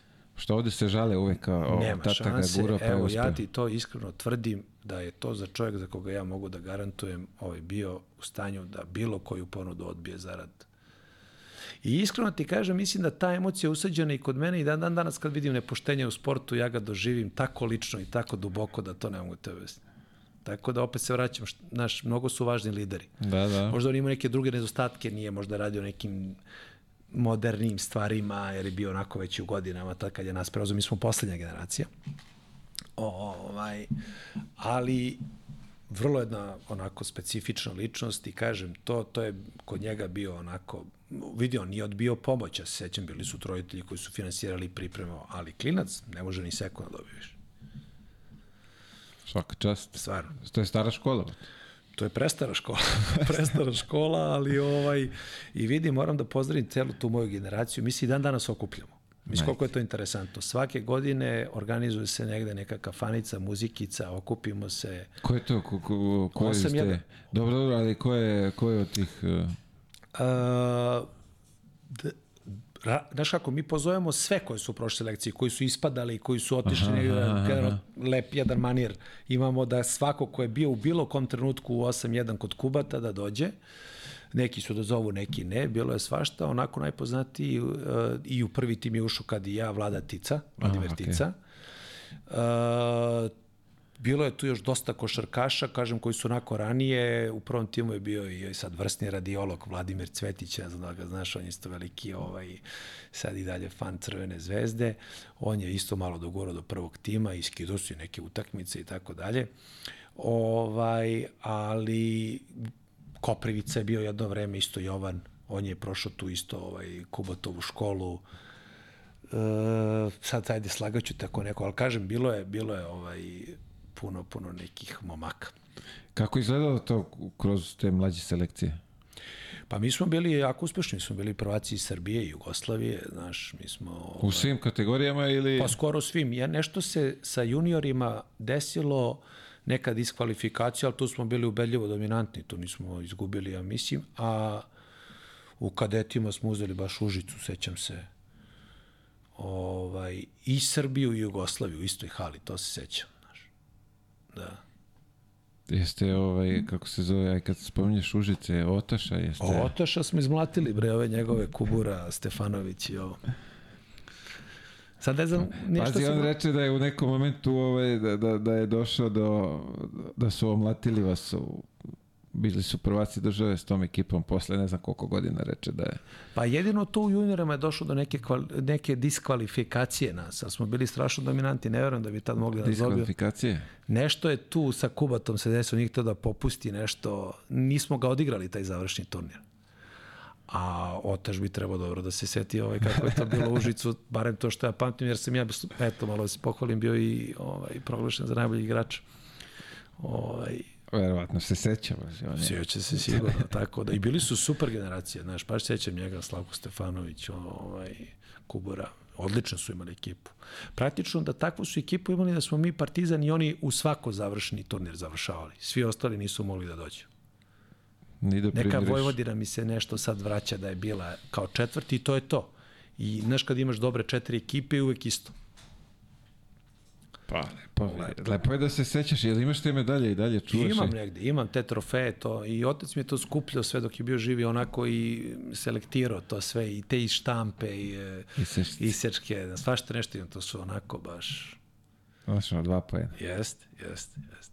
Kako se to pregleda? Jest, pa, jest, trčiš pa onaj znaš ono žurnal kad izađeš žurnal, pa trčiš da ga uzmeš. Pa McDonald's liga, se, jesi uvatio ti McDonald's liga? Tako nisam. se zvala McDonald's liga, pa ti izađe najbolji strelci, najbolji ovo, najbolji ono, pa tu ako si u dve kolone, to je ćao. Kakav si tad igrač bio? Da, reci. A na kraju, samo je važno šta ćeš posle. Da?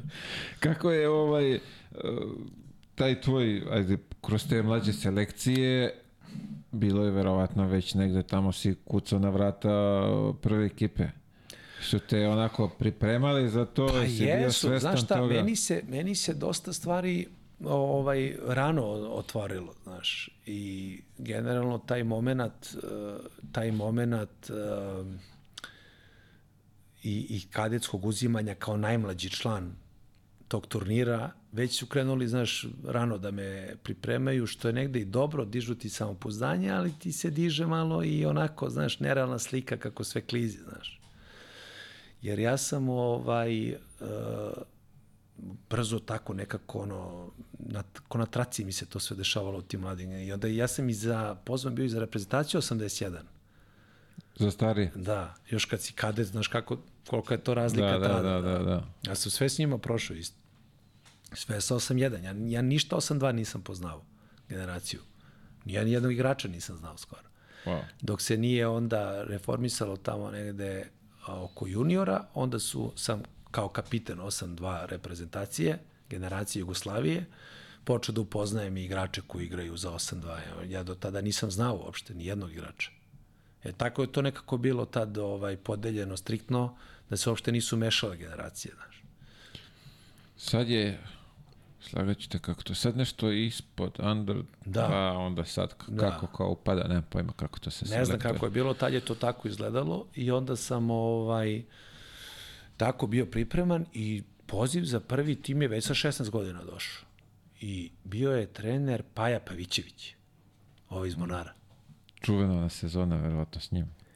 Ne, on je, oni su, mi smo, Zvezda je tad uzela posle du, posta titulu, to je 97. Mm -hmm. a ja sam 98. priključen ovaj, na pripreme, otišao ja i Tica smo otišli na... Vidi, ja ako nešto sad pogrešim, ne, nije ni važno toliko, da, niko neće da. to, ali tako mi su ostali datumi.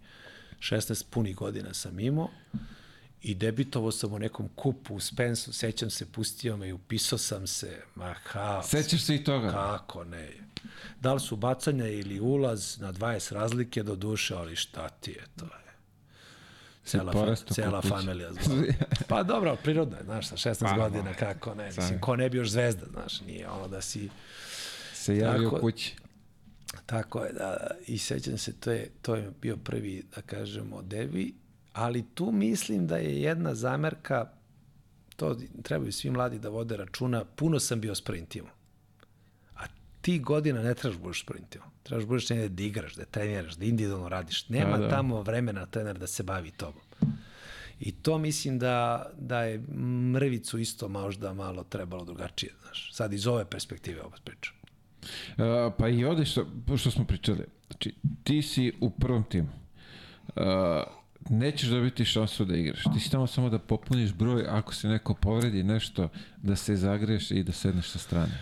Tako i sad je skoro bila neka fora, uh, među neke utakmice, mislim, Makabija i Zvezde, pred prošle ili pretprošle godine, delili su plakate ko je ušao u ono, klub 100. Stotku. Da, i ja tu uđem, sad neki broj utakmica i poena kad podeliš tipa tri po gola sam dao po utakmici zato što sam ja ceo taj juniorski staž kao priključen prvom timu, sve se skido, a oni ti sve broje, ti si u rosteru, nema što nisi ušao. I onda sam se smeo s njima i puno utakmica ti je prošlo uz tu fascinaciju starijih kolega, pun pionira, u stvari Ništa nisi ne, profitirao ne, od toga. Tako je, ne možeš da valorizuješ te stvari, to je samo čista impresija, ono, ambijenta, a ti ne samo što nisi profitirao, nego što si nazadao.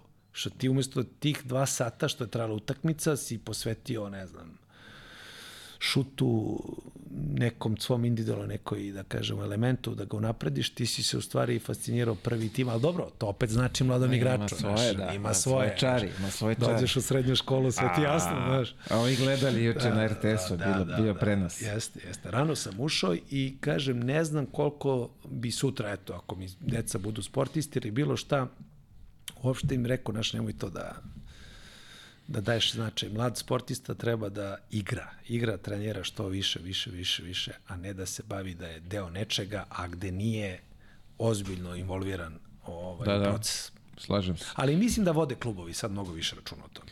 Mislim, tako imam mi utisak. Pozajmice...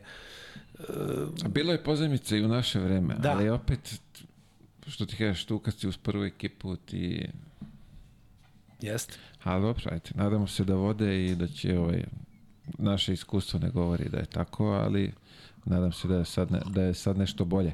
Kad kažeš e, starija ekipa, ko je tu u prvom timu kad ti ulaziš u, u ekipu?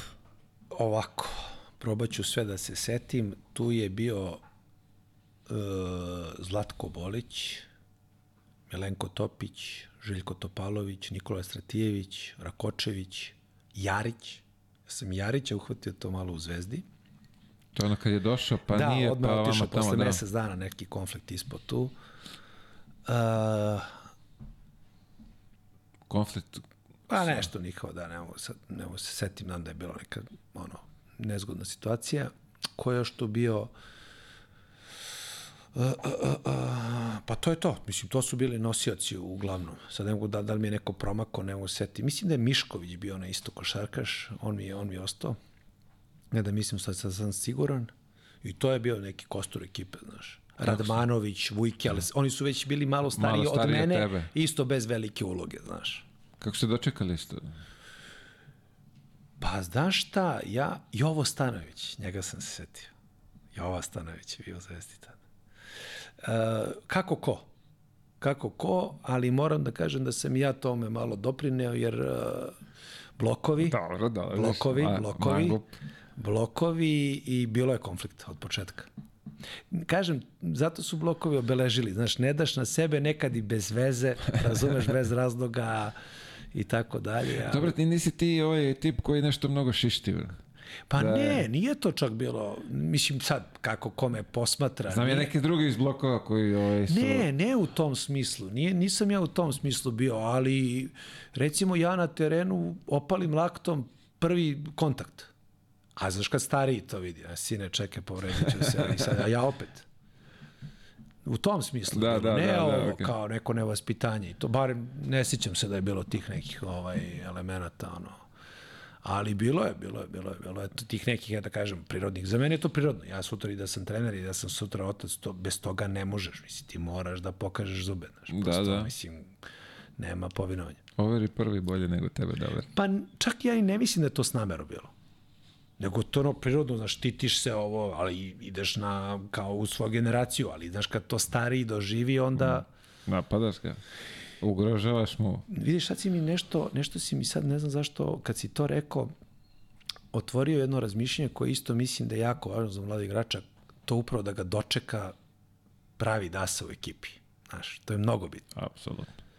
I sad kad vraćam film, kad si me pitao, viš nisam razmišljao o tome, uh, niko tu nije ostao s igračima posle mlađi malo da mu nešto pokaže. I mislim da tu prave grešku. Mnogo je lepo prebaciti neko svoje znanje. Podeliti. Ja recimo, ja kad sam postao već, da kažem, ono, prvotimac, ja sam uvek volao Junoša da ostavim da igramo malo leđnu tehniku, pogotovo kad im neka trojka visoka, ne, ne koristi to, nego samo šutira. Ovaj, uvek sam volao da tako ostanem sa, sa nekim mlađim, onako, da mu malo prenesem, da kažem, jer nekako mislim da je dobar osjećaj, onako, znaš. Sutra neki klinac i pazi, ima tu par klinaca koji su postali dobri igrači koji, ono, ovaj, su to malo posle i koristili, znaš, da im onako kažeš teta, imaš visinu, imaš ono, ovaj, Mnogo je bolje kad uh, stari igrač ti skrene pažnju na to. kako ne. Ali to ima, i do, ti to ima i do vaspitanja kad ti i do trener objašnjava. Jest, Lakše prihvatiš to. tako, i pogotovo, znaš, da ne pričamo o onom segmentu koliko je to recimo važno da te malo nauči o tim ponašanjima, kako da prećutiš, šta da uradiš, da, da, da ne, ne, ne talasaš, da ti ovo, na ovo me obrati pažnju, a plus još ako igrački može da ti ono, to su ozbiljni faktori, znaš, ovaj, ta slačionica i ta atmosfera i to posle treninga što ne zavisi od trenera, znaš. To, to recimo nije bilo u Zvezdi. A sad ovako kad si spomenuo sve te likove, ko je, ajde kažemo, bio onako dasa od njih, koga bi mogao da izdvojiš? Pa bili su svi specifični, ali unikatan je Stratijević. Nikola Stratijević je ono, one and only glava. Specifičan, on, on, on imao tu energiju da malo mlađi, mlađima pomogne, ali totalno, ono, znaš, ovaj, za sebe destruktivan. Uh, tako da mi on nekako ostao utisak, mada ja moram da ti kažem da je tad bio tako razvijen taj humor, to zezanje i taj šmek neki, znaš, mislim, jedna stvar da se niko ne uvredi, Jestra i Beograđanin i sigurno i ti neki maniri ovaj, se nose malo i sa tim, znaš, tako da generalno i taj njegov deo je ovaj, onako po meni ostao urezan. Vidi, uh, sad, kažeš to, kažeš zvezda, ajde, okej. Ali u tom nekom periodu u kom si ti bio tamo, tu je promenjeno tono i igrača i trenera i uprave. Ti si progurao ovaj, dosta toga ovaj, preko bez i leđa. malo, bez i malo da omalovažim ranije neke situacije teške, ubedljivo najgori period Crvene zvezde. Ali ubedljivo. Iz više razloga. Prvo, nijedne promene učestale nisu dobre. U nekim stvarima jesu, ali u sportu nisu. Sistem totalno nepostojeći sve se svaljuje na trenera, on jadnik dođe, on već gleda kad je spakovan da piči dalje, vremena nema ni da uigra, kamoli za nekog mladog igrača. To je nešto što je bukvalno najgore za mladog igrača što možemo se desiti. Jedina dobra stvar koja je tu ispostavila se, da će neku moju treću sezonu u prvom timu totalno potonuti brod, svi napustiti i ostati mi klinci. I ja sam stvarno sa 18 godina već dobio ozbiljnu ulogu u prvom timu. Šta je to, do, do 90, šta si to rekao? 99. To je već 99. Kad se prekida zbog bombardovanja? Odnosno, 99. 2000. Na 2000. Znači, aha, na aha. 2000. Tu već ozbiljno počinjem da dobijam ulogu, da stvarno igram utakmice kojima zavisi tabela i ovaj, koji ćemo biti, šta ćemo raditi i tako dalje, tako dalje. Je to godina... A, pre neki dan sam video klip uh, bio si na kolenima, to, zato, zato sam iz, ovaj, zapamtio. U kom smislu? Uh, Partizan, Zvezda, derbi, dobijate šutem Srđana Jovanovića trojka, ja mislim da je u pitanju bila pred kraj. Da li si ti njemu dodao loptu, nešto, uglavnom pao si na, na kolena? Ne, nije, nije, nije. To je Dobio godina sam- posle, kad to je to? To je, to je godina posle. Godina pre toga je bila interesantna za Zvezdu, znači brod je skroz potonuo i to ja ne znam, to se uopšte u javnosti ne priča, verovatno su ono bolne rane. Mi smo bili pred ispadanje iz lige. Ja, sećam se. Ja vidim, to niko ne spominje. Čekaj, to je uh, Muta kad je preuzeo, pa je bilo preuzeo, ono čupanje. Da, ali ja sam već moram da priznam i Steva Karadža mi je dao, Steva Karadžić mi je dao ozbiljnu šansu i u tom prvom delu sezone, ali zbog rezultata oni su njega pomerili i doveli Mutu, znaš.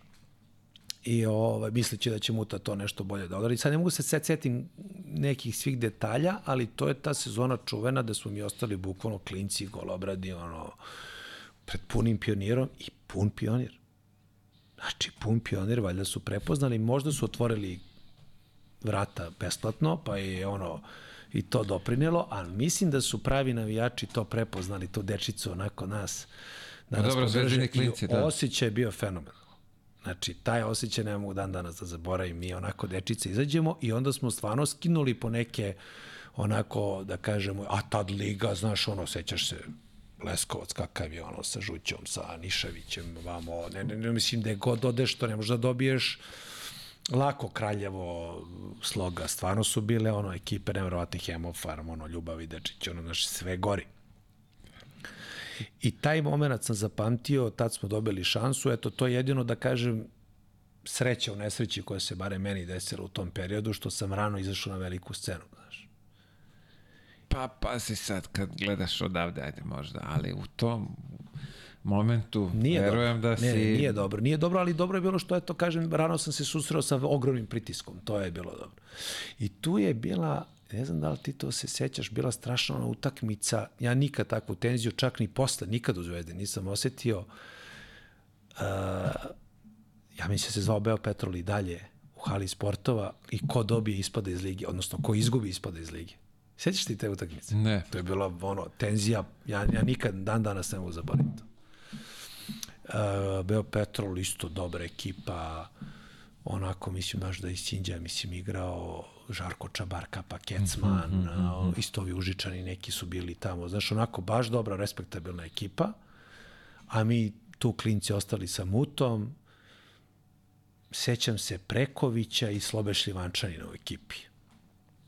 I to je bilo ono spremanje za to, mediji, sve, da li će se desiti zvezdi, to, to, i to je bila recimo utakmica ovaj, onako koja mi je onako beležila karijeru onako u glavi neverovatno, znaš, jer je stvarno bio, možda se to nije tad tako pratilo medijski, ali unutar kluba je ono, stresli su se svi Vidi, nešto. p- e, znam, znam za, za, za tu sezonu, da. čitao sam u žurnalu, Jest, u jest. žurnalu sam čitao, pošto ovaj da. drugačiji vid ovaj nije, u stvari ili je kad bude na ono RTS ako prenosi to, ali ne, nije bilo ko sada imaš 5000 utakmica u, u toku dana da možda pogledaš. Jeste, bilo baš Ali da, da, da. Sećam se i te priče, uh, Buta, ako se ja dobro uh, sećam, on je iz Radničkog došao kod vas, pa je, se sećam neki, ono nešto Ma je... ne. Ne, Ma ne, Muta je došao pravo iz budućnosti. iz budućnosti. I to ih je nešto, zbog nekog isto valjda konflikta, tamo ostaju 50 pobjeda za redom. Ono, muta u punom samopouzdanju, bre, ono, sa najboljim forama i sve. Sve to ovo što Muti pričao je bilo te dve sezone. Bre. Ovo sve posle šiju da je bio vamo. Muta je bio najbolji Kako je, ajde dajmo ti sad Ma kad smo to kod je Mute. kako- haos, bre. Ma on je došao tad pucao samopouzdanja u budućnosti tamo sve ono, znaš, uzo titule već ono, to je bilo hit, znaš. I on je, i on je stvarno bio i mislim i dan danas da ima taj jedan poseban kvalitet u odnosu na sve ostale trenere, neviđen za mlade igrače. Znaš, to je ono da te animira, da baci foru, da te malo isproziva, da, i ti trčiš na trening. Ti trčiš. Pazi, ali isprozivate i ti ne osjećaš se uređeno. Ma deo uređeno, bre, ja sam, ja sam živeo za te konflikte, još on mene onako prepoznao, nagazio odmah prvog I to je krenulo da bude, ja ne bi pre, 38 temperatura kakvi ne bi propustio nikad mutin trening, znaš, i ono, jednom sam nešto propustio, odmah zovem šta je bacio, ali bilo nešto, tako da on stvarno to ima za taj neki period, naravno, i mislim da je, i zaista to ima mišljenje njemu i da jako dobro poznaje košarku, stvarno, prepoznaje fenomenalno nedostatke u drugoj ekipi, ali isto tako mislim da i nije radio na sebi na drugim stvarima, počeš od jezika, od mnogih stvari, ima ona čuvena fora. Sećaš jednog Azeja Morisa kad je igrao za nas? Ja mislim da sam čuo to skoro. Pa neko on pravi akciju, ovaj onako ogroma, znaš koliki je to, nevjerojatno, to nisam telo, prvi put sam tako vidio u životu. I onako boli ga ovo došto da mlat neko lovo, da ode kući u, Americi, u Ameriku, nazad. I sad se ono što okrene neki fade away, onako pljasne, totalno van svakog ovaj, koncepta i ovaj se nešto dere na njega, znaš, ono, da, šuška onako. I ovaj kao, coach, kao, speak English, kao, kao, ja isto ne znam engleski da mu lupim sa Marcinom. I to je to čuveno, znaš, kao, ovaj, kao, znaš, mutino kad izbaci i tako, znaš, imao je te fazone, ovaj, ali to isto nešto što ga je možda limitiralo da možda bude bolji trener da, da, i na polju, da. jer to je, znaš, vidiš i kroz ove dobre trenere sad isto mora da se na tim segmentima radi, znaš, Absolutno. ne možeš ti to kroz prevodioca nikad tu emociju da, da pogodiš igraču. Znaš. Yes. To je moje mišljenje sad ono. Slažem se. A, sad kad smo tu već kod Zvezde, ajde sad ta anegdota što si ispričao, to je jedna od mnogih koje su se desile, ali mene zanima ovo, uh, si ti bio učesnik, ajde mu kažem organizator, ali učesnik ovaj poziva novinara kad si rekao da je Pa nisam bio Tita... učesnik, bio sam sve, bre. sve što treba sam bio. Pa Češ ispričaš to? Pa hoću, naravno, to je simpatično, ne znam, nije, ako si to uspio da izvučeš. Ovaj, to je bio ta druga sezona, uh, drugi derbi, strašan derbi bio i izmakla nam je pobeda ono u zadnjoj sekundi, a bili smo ubedljivo outsideri, a prvi smo dobili onaj taj kao neki čuveni derbi uh, gde sam ja bio i kao proglašen za ja, ovaj, igrača utakmice i drugi je kao bilo ono kao Dule Vojošević tek došao u Partizan, ogromni ciljevi ovo ono i kao prvi put su nas prevarili, drugi put neće, mi stvarno imali ono šut za pobedu i Vujke mislim da je dao koš za pobedu Partizanu, posle naš šut nije to Srđan Jovanovića ušao. Ovaj, e, I ja sam sutrada na nekom ručku sa Ticom. I sad mi onako krenuli nešto se zasmeli, u tom momentu zove neki novinar i kao pa kao ovaj, šta se smete, kako raspoloženo, izgubili ste od Partizana. Ja onako polu nekom dobrom raspoloženju ono ovaj izbacimo kao ma ne bre zezamo se kao tica evo posle ćale dobio dete znaš ovo ono pa malo se sam kao pa kao nisam znao znaš i ja onako računajući da ću njemu da objasnim da sam ga zezo ovaj, u tom momentu Tica ode do WC-a i ja sad vidim opet on zove na njegov telefon. Ja uzmem i javim se i skinem onaj njegov malo usporeni glas i jeste, hvala i primim čestitku i ovo. I ja totalno spustim slušalicu i zaboravim da sam to uradio. Dođe Tica i ja mu ispričam. Rekao, brate, zvao sam ovoga, zvoni ga samo kasnije, znaš, da mu kažeš ovaj, za celu tu foru i, i da smo se zezali malo, da smo se nešto smejali i ovo, ono. I to je tako prošlo nešto u brzini, spontano, ja to uopšte nisam dao nekom značaj da to ispadne neka fora. Međutim, šta se desi, ja dolazim sutra ujutru na trening, ja nisam ni ušao u onu halu, onaj hodnik dugački od pionira, na mene se zaleće cela ekipa, diže me na ono, ljube me, šta je? Oni pokazuju žurnal, ponosni tata, izašao članak, a ja skoro zaboravim, jel, da sam ga ložio. Odnosno, hteo napravim što si da mu javimo posle, malo smo se šalili. I sad tu i Mute isbacio isto dobru foru, ulazi u sočanicu, kaže, je, te, mislio ti još nisi ni pocu da jebe, kao, no, kao, a, ovaj, a, ovaj, a ovaj još veći kralj, slušaj, tica, on ustaje i ljubi se i kaže hvala. Ja to nikad neću zaboraviti, to mu ne govori, tek posle mi ispričaju šta sam ja radio, on dao ovaj mene kad je krenuo, ali znaš, Muta obožava to, kao neka si, kao malo bacio, ne?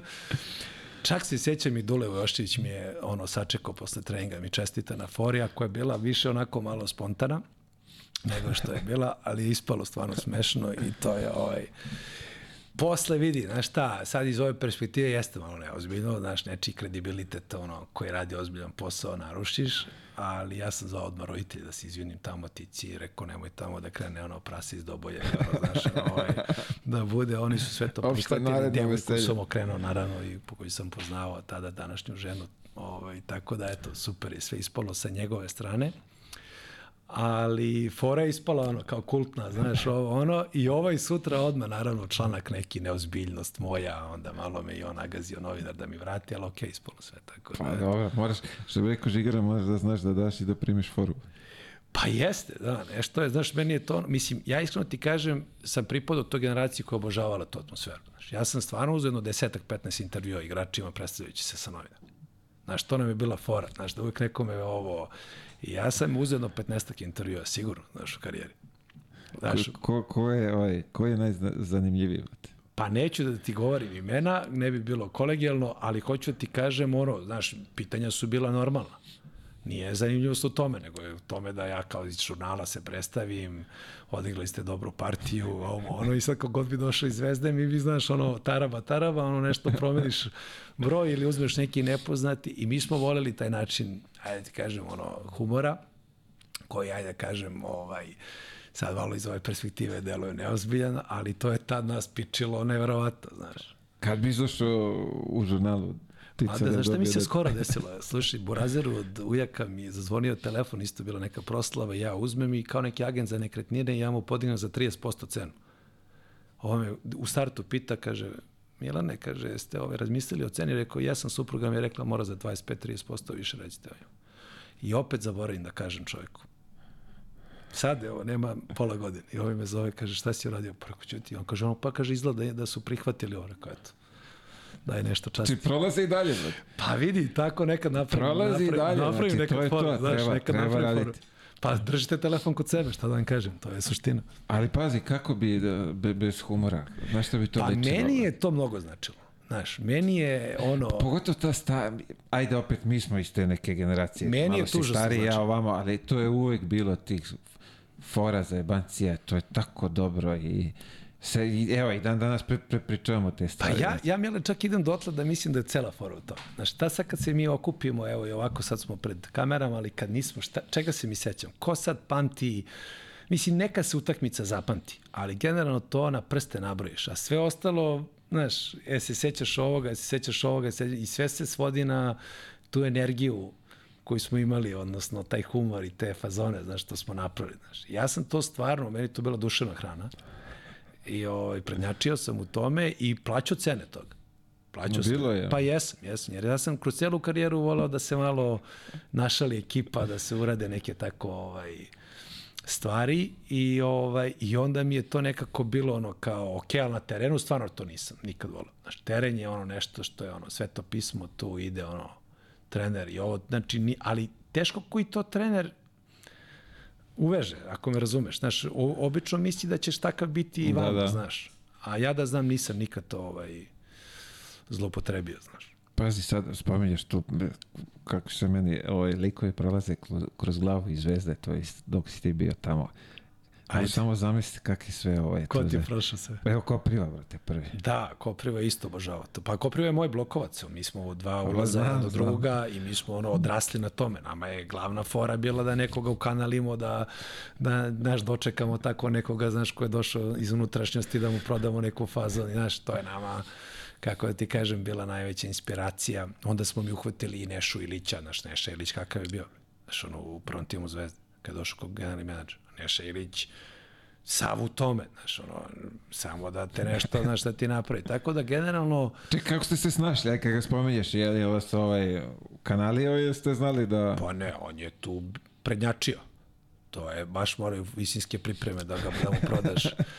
Ja sam u jednom foru, ja sam foru neku smišljao dugo i sad kao, znaš, ono, on prolazi ja Iliću, on se okrene kao ja ili ćeš ti, ja nastavim ovo. I to bilo pred nekim društvom i oni popadaju od smeha, kao al ti je ovo, al ti je ovo, ono. Ja dolazim u slačionicu, on frajer, svu garderobu umoto u hiljadu čvorova, u, za, za, za, za čivilog zakačio, nema ključeva od kola, nema ništa, razumeš, odmah ti vrati, ne, ne, ne možeš da stigneš ni da, da, da, da se završi trening, ono. pa kao sledeći put legendo, kao, znaš, ono, njegovo namigne, kao, znaš. Ali ja to mislim da treba da ima svaka ekipa. Naša atmosfera je užasno važna. Naravno, opet ponavljam, da se teren a, ispoštuje, jer suvoparno je, znaš. Ti, bre, A mora, vidi, okej. Okay, ti si prošao ali, to, dolaziš mo... na trening, umoran si, stiže zamor materijala, ti bez te atmosfere ne opstaješ. Tako je, ali moram, vidi, mora i na terenu da ima neka isto ta, ta doza Pa dobro, ali da ne bude neozbiljnost. Ne, ne, neozbiljnost, nego šmek, da, šmeker, da, lukavstvo, da, da. znaš, da lupam, proturiš mu kroz noge, ne znam nije šta da uradiš, to, to je... To definitivno, da. da to ne možeš to tek tako, kao, moraš da, i, da imaš šlifa za to. Pa znaš kako, olakšava, olakšava svima nama, igračima, ceo taj naporni deo, znaš. Ta utakmica je najlepši deo. Ali mi da bi došli od te utakmice da nešto pokažemo, ljudi to obično ne znaju, mi prolazimo vojničke drilo. I sad, to je u redu kad vojsku neko služi koliko? Ono, 12 meseci. Ali mi je služimo 20 godina. I onda dođe do pucanja i onda ti ako nemaš to, meni je to recimo uvijek prijeli takvi ljudi, takva energija, tako da su uvijek malo i treneri koji imaju šmeka, znaš, da nam daju neku igricu, da nam daju neki futbol za zagrevanje, malo samo da izađemo iz iz tog šablona, znaš. Da, da, Užasno je teško, znaš. Bare meni. Pa ja se sećam ovdje kod Pešića. Mislim, svako jutro da je bilo isto. Da polodeš. Pa ti ne možeš da veš. Lopta, ajde u krug. Da okrene, na, okrene na drugu stranu. I to je to. Svako jutro ti dolaziš i znaš šta te čeka. Tako, jebate više, daj makar malo. U stvari on sedne nego i pomoćnici njegovi, znaš. On, on sedne tamo, pomoćnici se uhvate toga i ajmo. Pa dobro, nebitno, opet je njegov potpis, znaš, sad, da li je pomoćnik ili on nije važno, ali jeste, to mora malo, znaš, mora malo to da se relaksira, znaš. A, pored Mute, koga bi još izdvojio tu, onako da je bio Jack? Da je pa gledaj, da... ja nisam imao problem ni sa jednim, generalno od tog prvog... Ne pričam za, za problem, nego ovako, ono, inače... Pričaš mi kroz karijeru ili zvezdu? U, u zvezdi, u zvezdi u tom periodu. Do, pa do svi su mi davali šansu. Ne mogu da kažem, baš sam ovaj, imao taj put, onda posle njega došao Krečković, posle te mhm, prve uh mhm, -huh, mhm. Kad smo, ovaj, e, recimo viš, tu se sećam isto ta važna utakmica, to moram utu da napomenem, ja sam uvijek onako malo u sve ostalo bio sigurniji u šut najmanje svoj. I sećam se na tu važnu utakmicu, ovi me skautirali i puste. Ja onako prvo promašim i ne dižem se više. I muta taj malo, nemoj da sam te video, ja prvi put dam u karijeri pet trojke za tu utakmicu. To sa Beo Petrolom. To je recimo jedna od njegovih stvari koja mi, koliko znači trener. Kada vidite da, da uzimaš rezervom, a možeš da pogodiš, I recimo to mi je onako ostalo kod njega taj neki šmek koji mi je onda tada rekao kao uzmi, slučajno izbaću te, kaže iz igra ako ne, ne šutneš sledeću. Ja pap, znaš, opusti se rukica, posle gotovo, kad spojiš dve, to je kraj. A, posle njega došao Krečko i tu smo napali taj čuveni derbi kad smo dobili. To moram nešto da ti kažem, da ja sam frapiran da to dan danas mene ljudi oko tog derbija komentarišu. Ja uopšte ne razumem to. Možda ne razumem zato što je sad toliko tih derbija, pa to se, ko će sad se seti, imaš ih 15. Tad je stvarno bilo dva komada. I tad je bilo i Zvezda i Partizan u hali navijači. I stvarno onako, znaš, nekih dva, pa ne dve nelje, možda i više krene već da se priča o njemu. Na koji datum pada, da li na subotu, da li na nedelju, koje vreme. I stvarno ima ovu tenziju kao u futbalu, znaš. Onako, čeka se čekao se kao praznik košarke. Mislim da se to više ne čeka, samo iz razloga što hoću da kažem, pošto ih je mnogo, ne misleći da je derbi manje ovaj, interesantan. Pa pazi, ove godine onako, znaš, oba tima su jaka i ne, ne, čekuje se. Znaš, znaš u kom sam steo, kažem, smislu, a, puno će ih biti, A tad je bilo, imaš jedan i drugi i ako se sretnemo u play-offu, a tad je budućnost bila dominanta, im vrlo je moguće se nećemo ni sresti, znaš. Da, da, da, da. da I da. stvarno je bila tenzija oko tog, ono, karte, pričam ti o svemu, kao spektakl, kao jedan praznik. I kod Krečka mi je isto bilo jako lepo, Krečković, on je bio onako isto trener koji me je dosta onako ovaj, forsirao, mada sam ja tu stvarno već imao ozbiljnu ulogu, što je 19 godina, čak sam možda imao i najbolju sezonu tu u Zvezdi, znaš, ovaj, kao naj, mislim sam bio prošli za igrača te sezone u Zvezdi. I ovaj, ali Muta je drugi deo završio. ovaj, opet su ga nešto. I to je to što je, gubi se taj koncept, Da, gubi da, se nema kontinuitet, kontinuitet. kontinuiteta nema. Znaš, i ti treneri se tako osjećaju. To je najgore, znaš, što ti tačno njima vidiš da nema da nema, da nema poverenja. I tu se desila isto jedna stvar koja onako interesantna da se promeni. Znaš, ja sam to osetio u trenerima, u sistemu i onako baš mi je ostalo urezano. Mene Dule Vošić zvao za uh, radnički da pređem, znaš. I zvezda. Da, to kad sam bio ovaj, uh, sa 17-18 godina, kad sam bio na tom što sam rekao, ono, sedeo u tim nekim, da kažemo, ovaj, uh, sezonama gde sam bio na klupi, I onda on kao treba da igra mladi igrač i to je sve bilo dogovoreno. Sećam se onaj Mrkonjić je bio nešto radničkom, ako sećam, ovaj Tako je, da, da, da, i tako da, i da. on je bio za to i moj tata je bio na sastanku, sećam se, ja sam još bio maloletan, čini mi se. U stvari ne čini mi se, nego sigurno. I nije, nije ostalo. To mi je najviše žao, a iskreno ti kažem, i to stvarno hoću da kažem onako javno, tad sam još prepoznao da je Dule Vujošević jedini igrač koji stvarno svim svojim bićem stane iza mladog igrača. Misliš trener? Šta sam rekao? Igrač. Trener, pardon. Pazi, Znači, ja, da. bukvalno, eto, ako me sad pitaš, evo, ne, ne znam kako da ti kažem da stvarno sam u tim godinama imao takvu želju i pazi, čuo sam priče koje mi nisu išle u prilog, da kontroliše gde sam, šta sam, ključeg od stana, sve to meni u tom momentu ne da ne ide u prilog, ne da mi ne da mi ovaj smeta, ne da me opterećuje, ali taj osjećaj nekako sam imao, jer su mi svi moji drugari u radničkom pričali nema, znaš, ono, mladi, on je tada ono pravio onu generaciju, uzimo talentovani igrača. I, ovaj, I mnogo mi je krivo što tad nisam došao do saradnje. I između te dve sezone koje sad spominjamo s Mutom, Vujk je prelazi u Partizan. A u stvari, istina mi je menadžer Rile, on je Goran Istanović, i mi u paketu treba pređemo. I ja dobijam ugovor, dobijam sve. I jedini razlog zbog koga idem, idem zbog Duleta, jer toliko je bilo očigledno da Zvezda ne može da parira ovaj Partizan u tom organizacionom smislu, tad je mislim Danilović došao na čelo, divac, tačno vidiš sportska priča, vamo se vrtiš za neke ne želeći nikog da uvredim, ali političare, neke ljude koji nisu ono, ni limenku na ulici šutnuli i sad odjednom, a kamoli loptu, trebaš da, znaš, ih ubeđuješ da je neko ovakav, onakav. I ovaj, i ja zakažem potpisivanje ugovora za Partizan. Zajeba se. Da, da, da. Ali, ono, gori. Sve gori. Pa to ću ti kažem, znaš, ja ništa nisam znao u životu osim za zvezdu.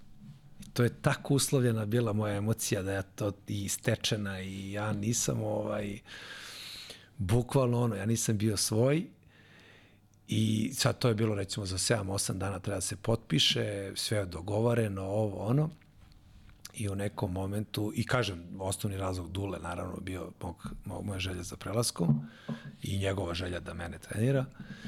Međutim, ovaj, u nekom momentu se javi zvezda Zoki Jovanović, onaj centar visoki, sećaš se, on je uzao neki sportski direktor, daj ovo, daj ponovno, ma odmah.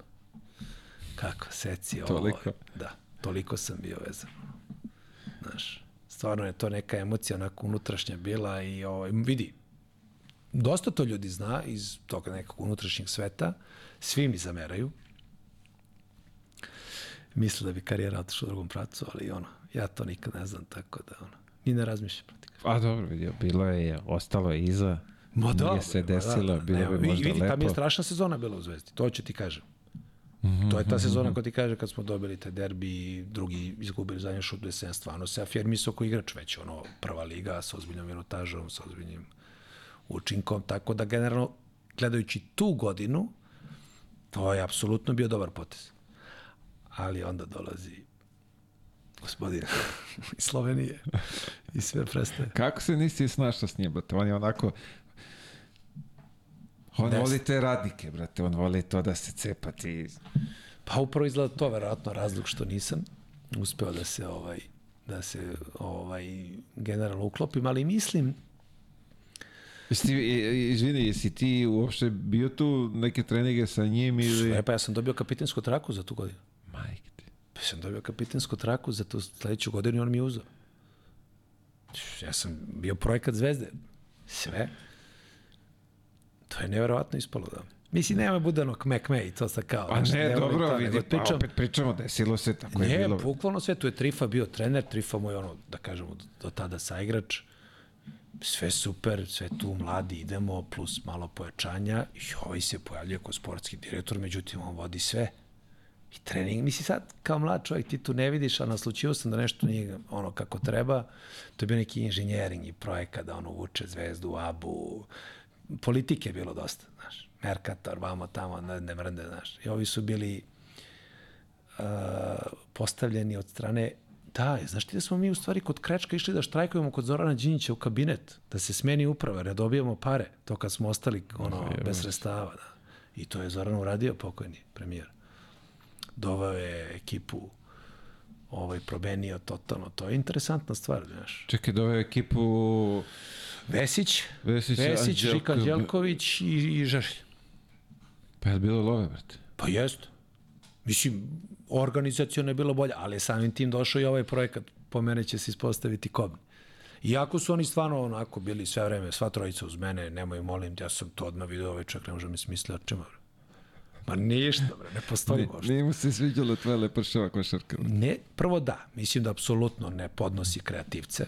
Znači, apsolutno to moraš da budeš ono utrenirani tip igrača ovaj, u njegovom kalupu, bez i malo improvizacije. Atlete je voleo, ali ovo što sam ja igrao ništa, nula, poništio sve. I to je tako krenulo, ja to ne mogu zaboravim. Ja sam došao kao kapitan mlade reprezentacije sa omladinskog prvenstva. Na roglu direktno čovek pravi, 16 nas pravi tri petorke ja 16 sa njegovim sinom šutiram na četvrtom košu. Mali mi vraća ja njemu. Pa da barem on samo meni vraća pa u redu. Nego ja njega razigrao. I meni tu odmah nešto bilo sumnjivo. I svi Neša, Trifa, ne, ne, ne, ti si malo, znaš, kao napravio si taj loš imidž o sebi. Jesam, to priznajem. Ovaj, znaš da malo gradski moraš smanjiš sve ovo, samo trener rekao dobro. Ma kakvi. Ma nije blizu, ništa. Sve sam promenio, Mile, zatvorio se u kuću, ma ništa, nema, ni bilo spasa. Generalno nije verovao u takve košarkaše i ovaj, imao neki svoj sistem i mislim da nije loš trener. Ja i to moram da napomenem. Mislim da je jedan od ovaj negativnijih ljudi po svom karakteru i prirodi uopšte u svetu košarke i mislim da apsolutno za naše podneblje ne bi nikad poželao da se takav karakter, ali kao trener imao neke vrlo pozitivne strane i neku ovaj posvećenost i uopšte to sve što ovaj što je doneo u košaci, mislim da je interesantno. To ne mogu da kažem. To što se meni to ne sviđa, to je drugi par, ali tako, ovaj, rukavice i opanaka, ali ovaj uh, mislim da je za ovo podneblje nikako. I bio je puno nešto i ono zabranjao tri prsta dignao posle koša, znaš, to su bile neke nenormalne stvari šta je on nama govorio. Pazi, u Zvezdi, u Srbiji, Slovenac, ništa ti nije jasno. Bez da ikoga ja nešto sad tu dižem da je važniji ili nije po nacionalnoj osnovi, nego ti samo govorim, videlo se da je to neki ozbiljan projekat i za čim se on tako, pa usudit ću se da kažem bahato ponašao. Zaista bahato. I to će ti potvrditi svaki igrač iz te moje generacije. Znači, to da li ga je volio ili nije, to je drugi, opet kažem, ovaj, druga tema, ali je bio vrlo, ovaj, vrlo, vrlo bahat. Vidi, uh, bilo je ovde njih koji su radili sa njim, da je, ono, da, da tera, da bičuje, jeste sve, ali bilo je dobrih anegdota s njima. Pa vidi, bilo je. Bilo ja je sam... teranje sprtnje ozbiljne. Ne, vidi, jeste, znaš šta, ja sam ovaj, kako da ti kažem, nisam više imao e, motiv da išta ulazim kad sam vidio tu njegovu prvo dominantnu poziciju u klubu, ali opet pričam, ne kao trener, on je došao kao sportski direktor, to je jako važno pomenuti. Trifa je bio na liniji, ovaj iza i sve ovaj radi. Znaš, to je neprirodno. I vidiš da je tu nešto bilo, ovaj, eh, kako da ti kažem, iznad svakih mogućnosti da se ti tu kao igrač nametneš. Uh, ja sam bio totalno razočaran, ja to moram da ti kažem, zato ja nisam više imao te moje inspiracije. Ja ni za, za šale, ni za šta. Bukvalno samo sam teo da ono odem od njega, da, da to više ne proživljavam, jer kažem ti, bez ikakve ono, bez ikakve zdrave neke logistike, ja se pamtim neki bio hrvatski klub, široki breg nešto, sećam se prvi put posle dugo godina u ABA ligi, dolazi hrvatski klub u, i taj je bila još ona, tako, ružna tenzija iz ovog nasledđa što imamo ovaj, iz tih ratova. I to je bio pun pionir i prvi put da su barjaci bili na ovaj, naš iz futbalski na, Da, da, u da, terenu. da, da. I utakmica išla loše, on me je ubacio, ja sam preokrenuo i tad se ono kao glasalo za igrača utakmice, ja sam bio prolašen i on ujutru na treningu, nervozan, prebacuje me sa visokih hajsa kao da igraš na ove, kao spoljne igrače, kao s tim sporim nogama, onako nervozan što mora kao sad, no i kakvi sledeća, sledeća utakmica minut samo. Ništa, vidim ja tu nema. I tad sam donao odluku da, nažalost, napuštam voljeni klub i samo inicijativno sam ga napustio. I to mi je onako obeležilo karijeru, baš mi je onako krivo, jer nekako ono, ne sad uvek to kao nisam zaslužio, nije, možda sam zaslužio, nije poenta o tome. Nego nekako nije ono, opet se vraćam, na terenu viteški to Da, da, da, određeno. da, da. Nego A nije zbog ni na lep način se nije Zbog završila, neke da. perce... On je mene čak i pitao, kao ja podnao zahtev za raskid ugovora, kao, gde ćeš ti kao? Prvi put mi se obratio od te rogle. Prvi put. Pa kako rekao, mislim, gde ću, idem gde ću da igram. Pa te ćeš ti, kaže, da igraš, sedi ovde dve godine, treniraš samo. Tako mi je, to ne mogu zaboravim taj razgovor u onom Sedi kafiću. dve godine da Da treniraš. treniraš, jo. I onda, znaš, vidio sam da on, ovaj, totalno ima A to. pazi, aj sad, iz tog ugla, znači, njegova te, on je imao projekat za tebe. On je bio spreman da ti dve godine treniraš, treću Ja dobiješ mislim da jeste. Da, ja mislim da jeste. Da, me te da, da ukalupi, pozajmica, da te ukalupi, da, da, da. sve, ovaj, Ne mislim ja da je njemu ovaj da on to išta lično doživljava. bre. To je ono, on je volao takve, on je takve posle igrači selektirao. Znaš, evo vrati film, on je gledao radilice i najbolji su takvi prolazili. Dovede jakog pleja, stranca, ili nekog, ne znam, Kočevića, ili ovog nekog jakog fizikalca, ovi ostali svi to blok, pick and pop, rola i dole, radi, drži ćoškove, zaleći se na, mislim što negde, kažem, ja opet ponavljam, njegov koncept košarke i njegov, e, njegovo košarkaško poznavanje po meni nije upitno uopšte. Samo nije nešto što kompatibilno s mojim, eto, to je to. jasno. Ček, ti odlaziš odatle u budućnost, ako se ne varam, Ja tako? odlazim, tad je bilo, ja nisam mogao u inostranstvo da idem, jer tad je bila zabrana i Kako ostalo, je zabrano? nisi mogao da napuštaš zemlju. Do 20 i neke, ja nisam ispunio tu normu. Majke, ti. Ja bio lagano, otišao na stranstvo, imao sam šta hoćeš. Pa kažem, namesti se takva stvar i ostalo mi je samo u okvirima domaće lige i samo budućnost nije iskoristila ovaj, to pravo registracija domaća. registracije, odnosno da li je ostalo još neko mesto da je, znaš, ne mogu da, da tvrdim. Tako Odlazak, prvi odlazak od kuće tvoj Da. zvanični. da, da. A dobro, ajde, tu nisi, nisi daleko naše govorno područje. Pa ne samo što nisam daleko, nego sam poreklom iz Nikšića, ovaj, otac mi je tamo rođen, tako da mi cela njegova familija dole, tako da ovaj, Či još ti je leglo dobro. I leglo, ovaj, a i generalno ovaj, to gledam isto kao neki deo, deo, deo neke, da kažemo, moje prirode. A, da, pa odlazak je bio čudan, bio je revo, revolt, bio je revolt, I, ovaj, ali bila je jedna interesantna stvar, moram da ti ispričam pre toga, na konto toga ovaj, imidža, kad su mi to ložili, kao promeni se ovo ono, i sada kod Zmaga ovaj, nikad u životu nisi imao ono, jutarnje slobodno, znaš, uvek sutra sve, i padne srpska nova godina, znaš. I ujutro trening u 9 ujutru, međutim daj malo da izađem ja negde, znaš, i negde čujem neki momak na nekoj benzinskoj, odnosno autoperionicima kao kafić uz pravi sa živom svirkom na Bežanijskoj kosi. Top. Rekao taman, brate, nije klub, nije ovo, da malo izađem, da danem dušom. I ovo neće niko saznati, ja ovo dolazim, ja vidim Jeretin pored, brate. Otkud ti, brate moj? Pa kaže, neko mi javio ovde, ima nešto, ovo ono, super. Ja malo posle ovo, ono, vidim, da li je Čaka ili neko još isto bio iz, ono, iz te generacije, i on, brate, šta je već, meni je ovo sumnjivo, znaš, otkud se ponavljaju ovoliko je, brate, u četiri ujutro Bina i Kezi dolazi iz Kuni Pen. Na pumpu.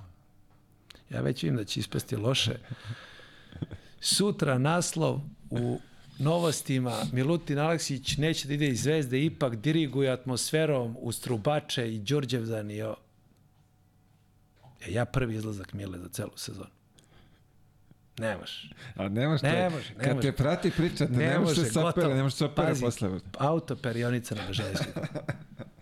Gotovo.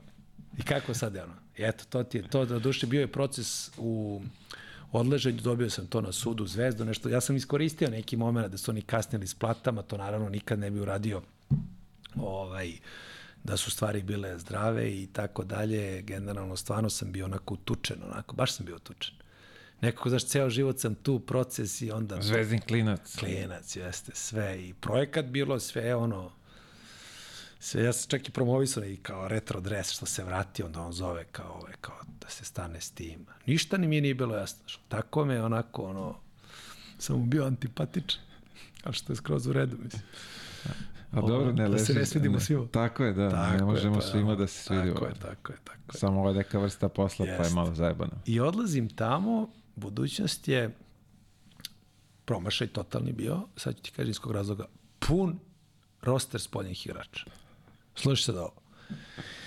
Žarko Čabarkap, Saša Pavlović, Bojan Bakić, Aleksandar Smiljanić, reprezentativac u tom momentu, vrhunski juniori, jaki kona, znaš ono tamo kad, ko kamen, i ja dolazim. Meni ništa nije jasno, Baletić pokojni trener. Ja. Ali moram, ja moram, ja neće niko drug da čuje. I ja dolazim, naravno, stvarno, Zmagov, da kažemo, posvećenost, profesionalizam i sve to kako ima u Zvezdi, to je stvarno bilo na jednom super profesionalnom nivou, to bez daljnjeg, znači, trening, kaseta, to, to, to, to traje. Da si ti uhvatio Zmaga? Nisam. to traje, to je, to, sav si u tome, to ne, nemaš ni vremena da ni, ni za što drugo. Vamo sve drugačije u Podgorici, ali ja vrlo brzo se izborim tu, čak i petorka i minutaža mi taže. Međutim, nekom momentu i oni neku svoju politiku, njih dvojice izlaze na draft, a u jednom manje igraju, kažu oni meni, mi smo prezadni s tom da te, kaže, potpišemo za sledeću godinu. Ostalo tipa 10 kola do kraja. Ja tu, ono, znaš, frapiram, rekao ljudi, ja sam došao ovde bre, iz kluba gde sam 15 godina bio koliko zvezdi, da bi igrao, ne da bi čekao sledeću, da sam mogao da dođem sledeće godine, razumeš? I ja se tu ponovo razočaram, znaš, ono. Ja sam stvarno onako po ono emotivno doživim te stvari, znaš, te dogovore kad se prekrše. Tako da sam, da je budućnost bila promašena.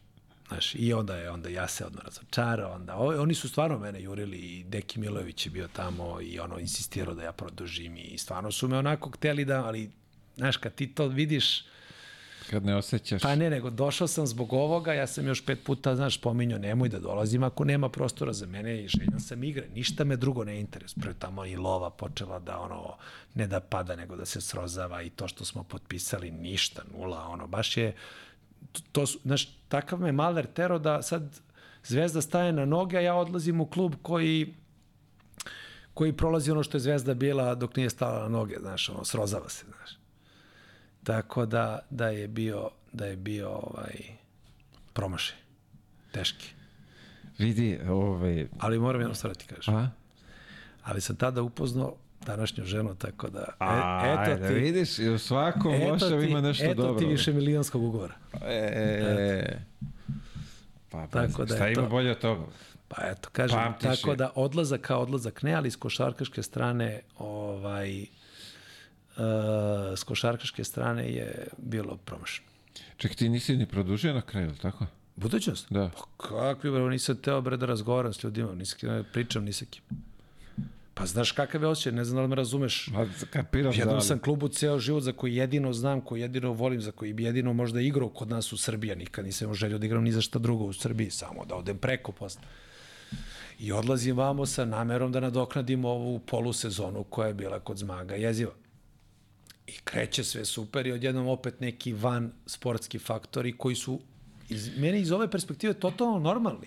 Pazi, normalno je da klub treba razmišljati o dva igrača koja treba da uzme neko obeštećenje za ovaj za NBA draft i tako dalje, da se razigravaju, da skauti zovu menadžeri, to je skroz, kako ti kažem, iz ove perspektive normalno, ali ja to nisam znao u tom momentu. I kad si to znao, onda ne dovodiš igrača koji će to da poremeti. I znaš, onda i tu trener isto ne zna šta ti kaže, smišlja neke loše izgovore i to sve malo, tako, utiče na čoveka. Ali vidi, ima dobra stvar. Upoznat se gospođu. Ne, ne, ne, nema priče. Posle toga si imao konačno prvi inostrani angažman, je li tako? Jeste. Jeste. Ti si već, ali pazi, to je prvi od koliko ovaj puta na Kipar. Da, pa znaš kako Ti, se... ti tu- si više u, u više navrata ovaj, išao dole. Jeste, to, to je čudno ispalo, to je nevjerovatno, isto viš neki splet okolnosti kako to ume da, mislim, svako je svoja karijera, ali tako, centar sveta, pa sad eto tako malo pričam, ali ovaj, generalno, tu se desio, tu je bio udarac onako za mene kao taj neki, da kažemo, ego, odnosno košarkaško to neko mišljenje o sebi totalno slomljeno. Znaš, ono, do, da, do tada kapitan prestacije, sve se otvaralo, sve klizilo, kapitenska traka u zvezdi. Znaš, za mene je bilo nezamislivo da dođem u tu situaciju da ja nemam klub, da nemam uopšte nešto konkretno na stolu, da ovo, i to leto uh, sam se spremio ko nikad u životu i tu mi je pomogao puno Loki, Jadranko Nikolić. I to mu se nikad do kraja nisam ovaj, adekvatno odužio. Bukvalno me onako samo inicijativno povuku u šumu da radimo, da peglamo, da visimo tamo non stop. Ja ne znam meni da si bilo koji sport u tom momentu dao da igram, ja bi, kako sam se osjećao i mene pozove Željko Obradović da mu pomognem, da mu roster popunim samo dok se ne vrate reprezentativci. Znači, nema probe, nema ništa, tu si samo dao. I ja prođem ceo ciklus sa Panatanikosom i tu sam upoznao ovo što sam rekao malo pre Željko radi i tu metodologiju koja je stvarno van serijska. Krenu turniri, ja čak i baš u vrstu odigram neki turnir odigram, budem igrač utakmice, druge, treće, nebitno. I tu već čak meni nešto i Željko preko Rileta kao na neka tri meseca kraći ugovor zbog Ariel McDonalda nešto pao na marihuanu. Sjećaš Ariel McDonalda, onog igrača? Kako da ne? Međutim, ovaj, kaže meni Željko, sećam se u Hajetu, dobio sam poziv AEK, jer se Kacikaris, ili kako se beše zvao? Karcikaris, ja mislim se zvao. Da, onaj njihov trener Cikaris. U Ajku, zvao me za tebe, piči tamo, trebaš da potpišeš i ja evo, znaš, ono, pakujem se opet, hvala Željko, ono, pomogli ste mi puno. Mislim, to svakome bi na svetu rekao, ono, prođi taj drill, to je, bogatiji si za, neverovatno, ovaj, za, za celu karijeru, znaš, kad prođe Željka i pogotovo jer je to ono kad ga vidiš u pravom svetu, nema utakmica, to je ono, tu se svo znanje trenerova vidi na pripremu, mislim, znaš i sam, je tako? Sve ovo ostalo su finese. I ovaj, čekam ugovor od Ajka, čekam, čekam, sve, svaki dan oni zovu mog agenta, ovo, ono, na kraju neki sponsor otkazao, nema ništa. A ja, pazi, to čekanje je trajalo mesec dana. Uje. Sezona krenula, krenula utakmica.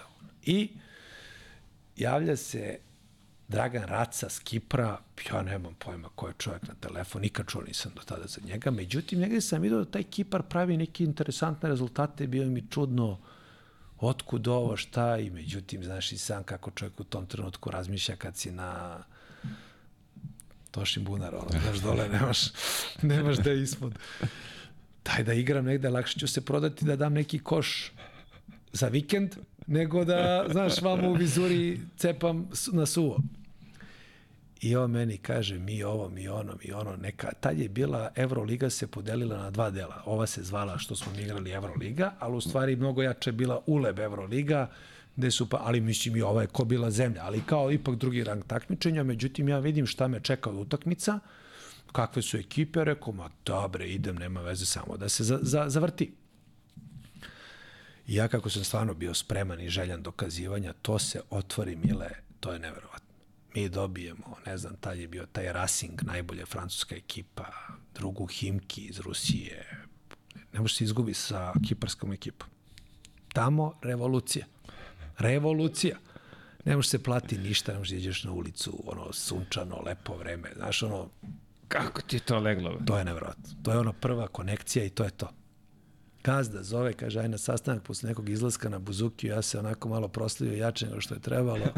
Ja rekao, evo problema, međutim, on jadnik okupio babu, dedu, svi da me upoznaju, čuo da pevam kao te grčke pesme.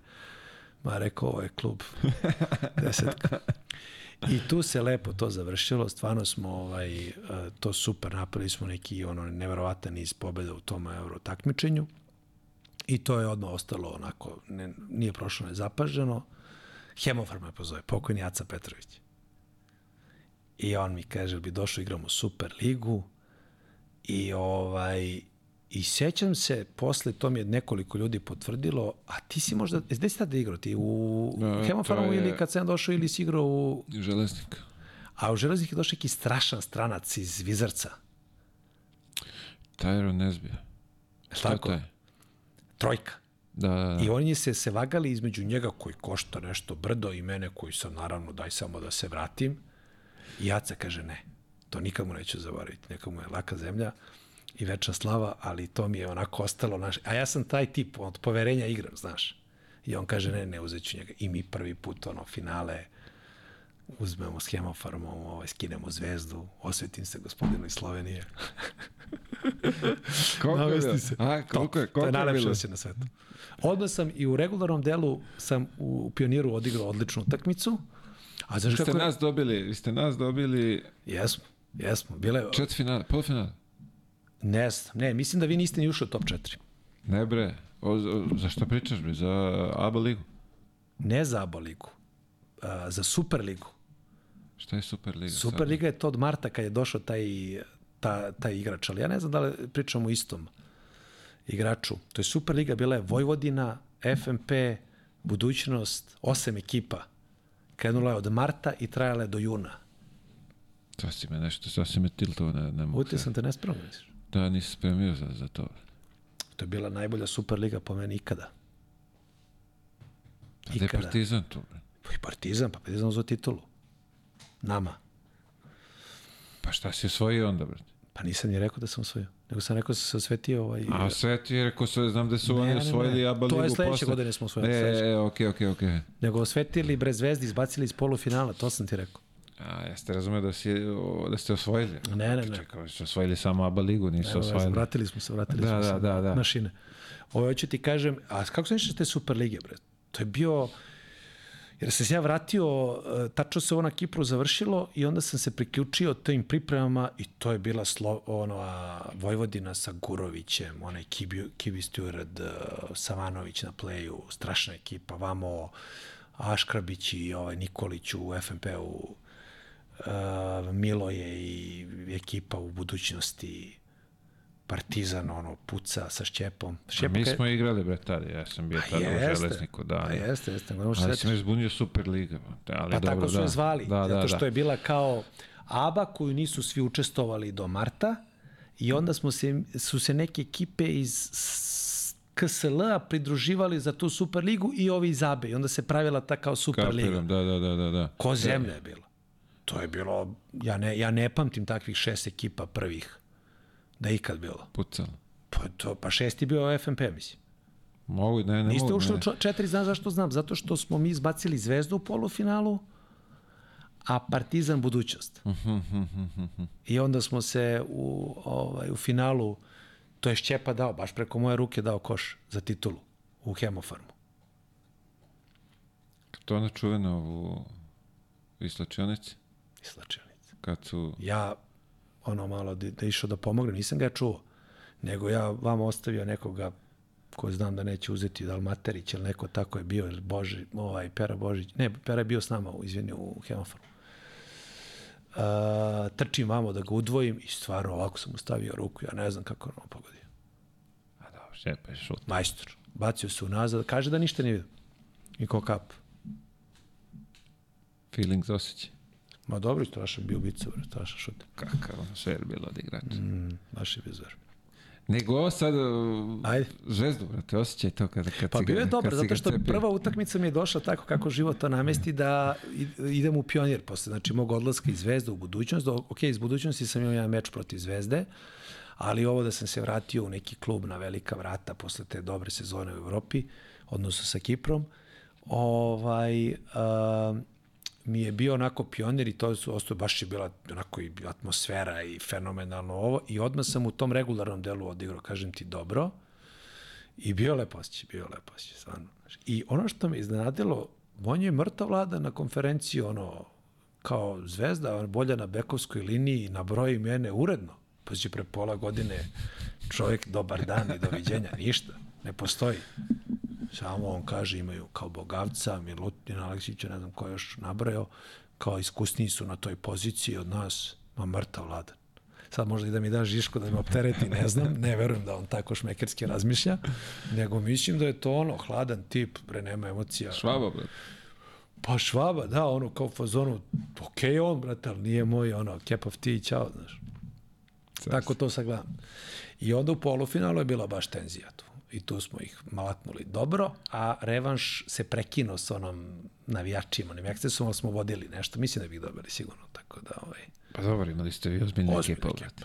pucao. Ma ne, ta, inače Superliga je neki model koji bi ja volao nekada da neku budućnosti razmišlja tako, to je stvarno bilo mnogo dobro.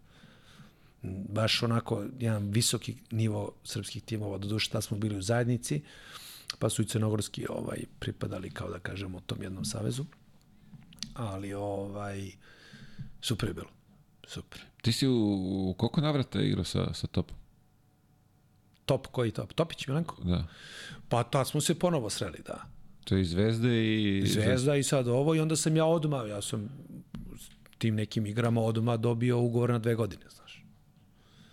Odmah.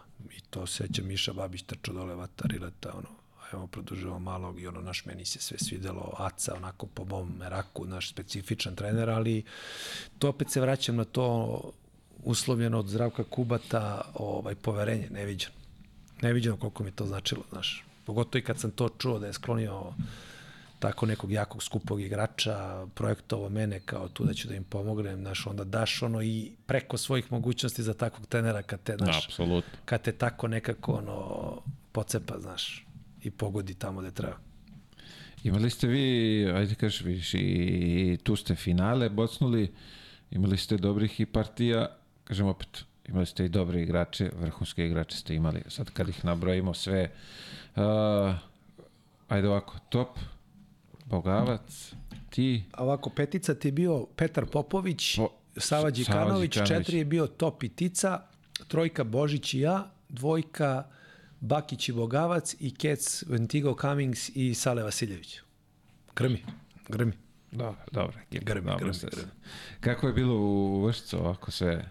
Pa meni Vršac Palanka, znači za moj ukus meni je ono i Beograd tesan, ali, ali je top, blizu. Čas posle. I znaš šta, tu kad si u trenažnom procesu fokusiran si na to, kad hoćeš malo zabave.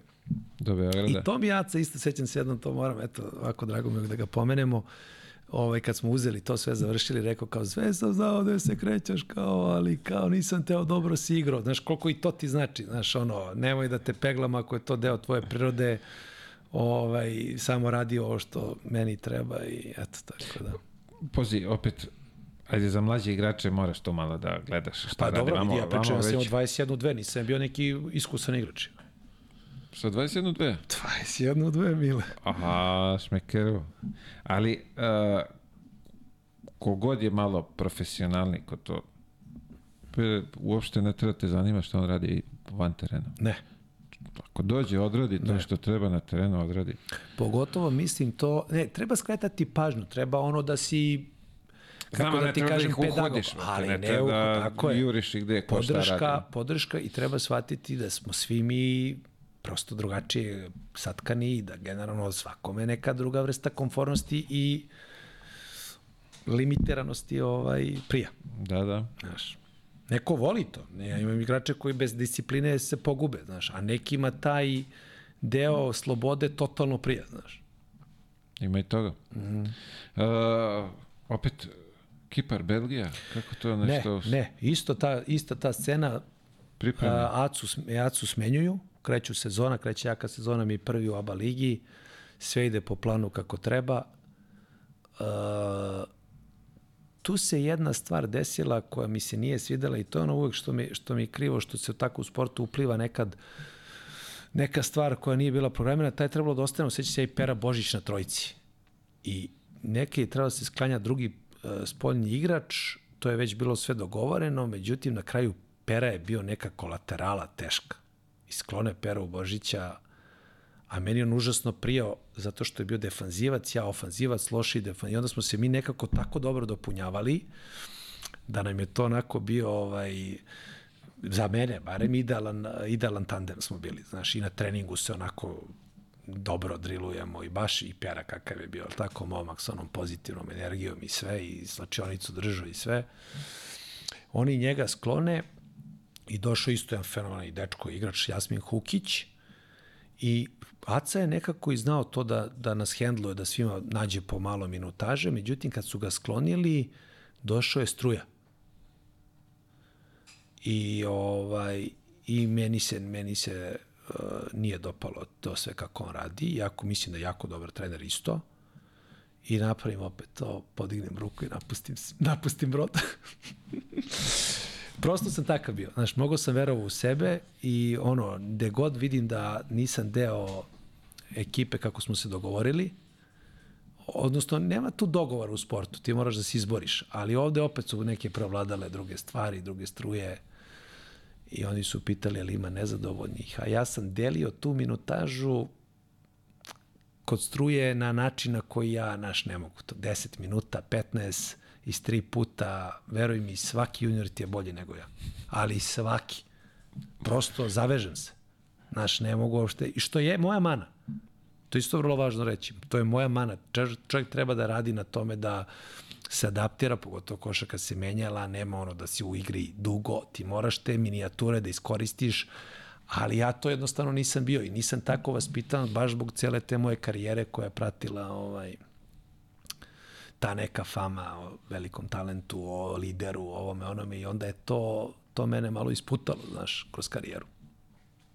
Pa, poznavajući struju, ovaj, ajde kažemo, nezgodan je za, za Jeste. zna da bude nezgodan za saradnju. Ne, privatno ništa nije bilo ovako, da kažem neki ne, konflikt. Stvarno nije bilo. Na terenu kad Samo si na, je bilo to što sam ja ono njemu par puta isto iskrenuo pažnju, znaš, ovo iz tri puta po 6-7 minuta, znaš, ne igram tu košarku, ne mogu uopšte da se, znaš, ono, ja sam inače bio igrač koji je volao puno loptu, što je loše, a na spoljnoj si poziciji, znaš gušiš i pleja, gušiš ovo, gušiš ono, ali takav sam bio, prosto je znao i sad Aca mi je tu našao te moje role, pick and rollove, dole igram zidama, sa strujom to je onako išlo korektno, ne mogu da kažem, zaista je to bilo nešto ko prosto sam želeo više, onako nekako sam bio mlada, usijena glava, hoću, naš, punu pažnju na sebi, na, na, na, da igram što više i tako dalje.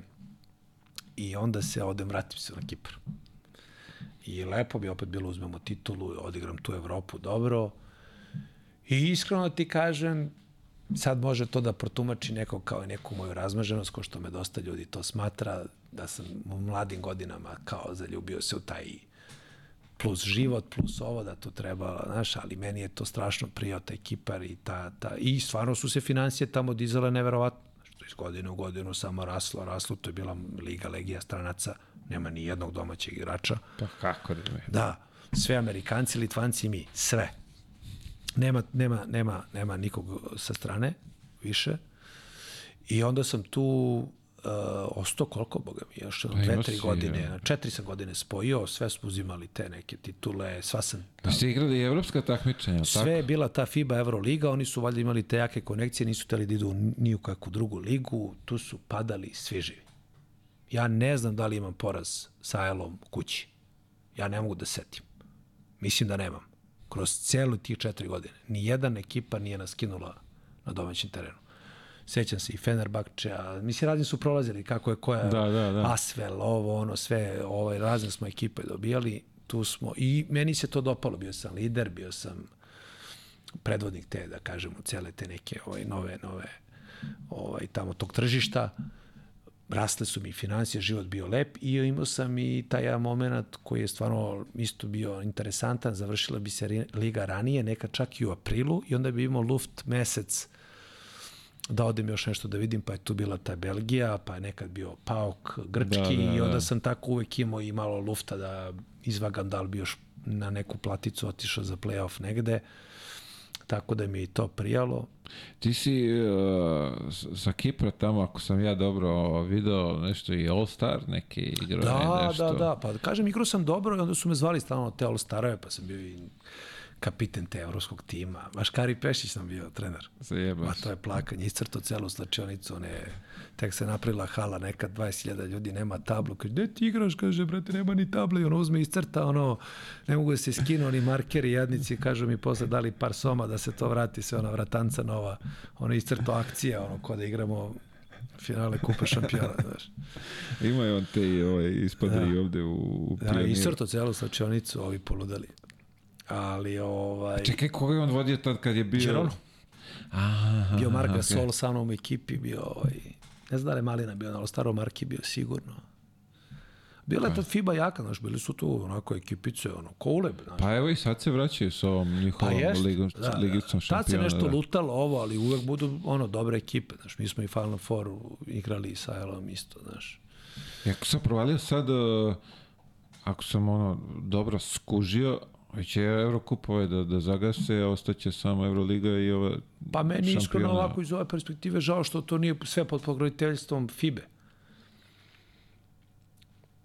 Razumeš me, jer a, Kapiram. generalno ne bi bilo ovih prozora, ne bi bilo ovih glupiranja sa reprezentacijom, ovo da se kvalifikuju ili ne kvalifikuju reprezentacije koje su uh, imaju zveri u ekipu, ali su zbog toga što su u NBA ili u, ili u Euroligi, ne, ne, prosto ja bi najviše volio da se tu ujedinji sve, ali tu je verovatno neke druge Ah, drugi aršini neki vode. nadam se da će ovaj, nekako da se dogovore šta, šta će već da rade, nemam pojma. Jest. Na, na, opet. Ne možemo mi da utičemo na to i Slažem se. neki imaju sa srećom. Igrači ispaštaju, nažalost, ali Samo kažem svoj glas. tako je. Ne sviđa mi se i to je to. Takođe. Uh, ajde ovako, koliko godina Kipra, kako bi sad ti ovaj, taj Kipar nama dočarao? Fantastično. To je bilo vreme koje se neće ponoviti, brzo se to brzo sve onako krenulo se srozava. To je bio neki mali eksperiment da oni naprave kao Izraelsku ligu, njima je Izrael bio motiv, a da Ajal bude Makabi. Međutim, nije uspelo, naravno. Izraelci ipak znaju to da rade ovaj, mnogo iskusnije i tradicija je mnogo više na njihovoj strani. E, za mene fantastičan period života, prvo što je odgovarao mom senzibilitetu, načinu života i tome svemu, drugo stvar što su se tu neke te liderske stvari, ali opet mogu da kažem da iz perspektive sam možda neke najbolje potentnije godine potrošio u nekoj ligici koja, ajde da kažem, ali tako nije bila previše slavna. Iako nije da se za nju niko ne podoštavao Kipar, je video po rosterima da je to trenutno aktualno tržište da može da plati pazi, to su bili čak, ja sam dogurao do Evroligaškog ugovora. Doduše bio sam najplaćeniji igrač lige, ali hoću ti kažem, ne sad nekog Evroligaškog, mislim, Da, najboljih da, da, ekipa, da, nego da. u tom momentu nekih nižih ekipa, razumeš? ali je ovaj generalno falila im je to taj moment da se približe to izraelsko. Imali su šansu, ali, ali nije, nije, nije istralo, znaš. Izgubilo se vjerojatno interesovanje i ovo, ali to im je bila neka zvezda vodilja, znaš. Ali dobro, složit ćemo se, lep život, toplo, cele Pa sezone. ne samo lep život, meni će se ispostaviti kasnije da je to jedna liga koja me vraćala iz mrtvih, koja eto i to kad imam neku sezonu ili kad sam nezadovoljan da odem da sebe. Ono što bi u stvari prirodno trebala zvezda negde da ti je neki matični klub, da te uvek vrati, ja sam to na Kipru pronašao. Da, da, da. U više navrata, tako je. U više da, sad ću da ti ispečem posle ide još jednom je. Uh, kako se zove, posle beše e, Riga? Si ima, imaš Da, da, da, taj, tamo, da, brate? taj, taj baš taj, e, ta godina kad sam e, to bio i taj kapiten tog evropskog e, e, tima e, All Stara. All Stara, ja sam generalno ovaj već pobego i scenovno i ovako sa, i dobio sam već želju da stvarno nekako krunišem sad sebe malo u nekoj ozbiljnijoj sredini. I vidi, Mile, vrlo mi je važno ti kažem, nisam ja ni jedno leto slepo potpisao odmah, ja sam vagao, ali meni su sve ponude bile iz nekih tada još sumnjivih zemalja, znaš, Ukrajina, pa i čak i Rusija, nije to, nismo mi svi trčali tamo u neke nesigurne te, ono, naravno ne zovete CSKA, ali ako te zovu ove neke, znaš, pa čuješ gazda ovakav, pa ti dođu ono ljudi u crnom, potpiši raski, znaš, ono, sad ja trebam da idem tamo sve, a ovi se moji kiprani uvek malo približe da sam tu ja negde, plus ta platica računam ono u play-offu, ja ne mrdam odavde, znaš. Tako da sam ja konstantno hteo, ali moji su uslovi prosto bili stvarno tako jako dobri da ja nisam imao neku... Zašto bi- Tako je. E, čekao sam dobrog trenera, to moram da ti kažem, jer sam već tada shvatio da sam specifičan tip igrača koji ne može se svima da radi, odnosno ovaj, ne žele ga svi. I u nekom momentu sam ja ovaj, tu dočekao ponudu od, um, od ovoga, kako se zove, od jednog litvanskog trenera, Batauta se zove, koji je vodio litvansku reprezentaciju u tom momentu. I to mi je onako bilo kao je naš Šarunas. To je najbolja litvanska reprezentacija ikada, možda i evropska, to je ono Šaras, braća Labrinović i podsjeti me Šiškauskas, ma nije normalno. A ne mogu ih sve nabrati koliko ih Ali je bilo. sećaš se te Da, ali generacije. da, to. da. I on je kao njih vodi i isto za mene, za mene već dve, tri godine nešto mene uh, koketirao, ali su bili neki manji litvanski klubovi, znaš. I ovo je kao Askriga, to je Letonija, nije Litvanija, ali on je Litvanac. I veliki projekat i ja vidim po rosteru koga dolazi, znaš, da će to da pravimo onako kompatibilnu ekipu, znaš, da se ide. I tu se i ti susrećemo u stvari, jel tako? Tako je. Mi izbacujemo Sevilju iz Tako je. kvalifikacija, ti si igrao ti... sa Savanom, je tako? Ja, Savana, ti Šundov ste bili ja i ovamo. Šundom smo tako. ovamo. Onda izbacujemo, aj podsjetim, je to Šole sa, ili je Šole bio prvi pa vi u kvalifikacijama Ne, ne mogu se sa, tim redo sa ovim Nando de Kolom. Mislim da je on bio. A vi ste dogurali bre nešto do, do, do, do... Ulazimo u grupu, prvi u Baltičkoj ligi, dobija se prvi put na strani uh, Žalgiris i Litvos Ritas. Sve ide, klub, Čekaj, Baltička ili ve, ovaj VTB? Vet, uh, Baltička. Baltička, Baltička, Bal- okej, okej. Baltička, nisu oni tad bilo ujedinjeni.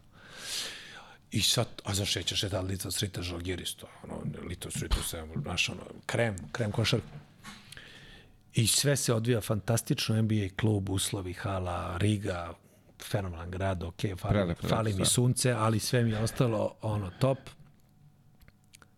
I jedan dan, to je isto i šta ti je život, finansijska kriza, ovo se finansira isto kao CSKA, samo se zvao ASK, isto od ministarstva vojske, nemalo. I mene zove gazda, pošto sam imao isto valjda u top 2 najveći ugovora u ekipi, odnosno zove me bivši trener s Kipra, dođu u Donjeck. Kakav bre Donječač imamo da ugovor i kako igramo. Kaže on, Alex, tako me zove, tu neće biti za 5 dana ništa. Ma daj bre, rekao, kakvi bre, nemoj da mi diš tenziju, bre, ono, ja sam nervozio, ono, znojenje. Ono. Kaže, veruj mi, on, a njegov najbolji školski drug GM kluba. Iza Kako se beše zove GM? Askrige. Ne, ne, ne, Donjecka bre. Ne, ne, pričam ti za GM... Uh, A, GM, za- okej, okej, Askrige okej, mu je okej. najbolji školski drug i za pet Ima dana... informacije. I za pet dana ovaj mi je dolazi, kaže, Aleks, mi moramo prekidamo ugovor.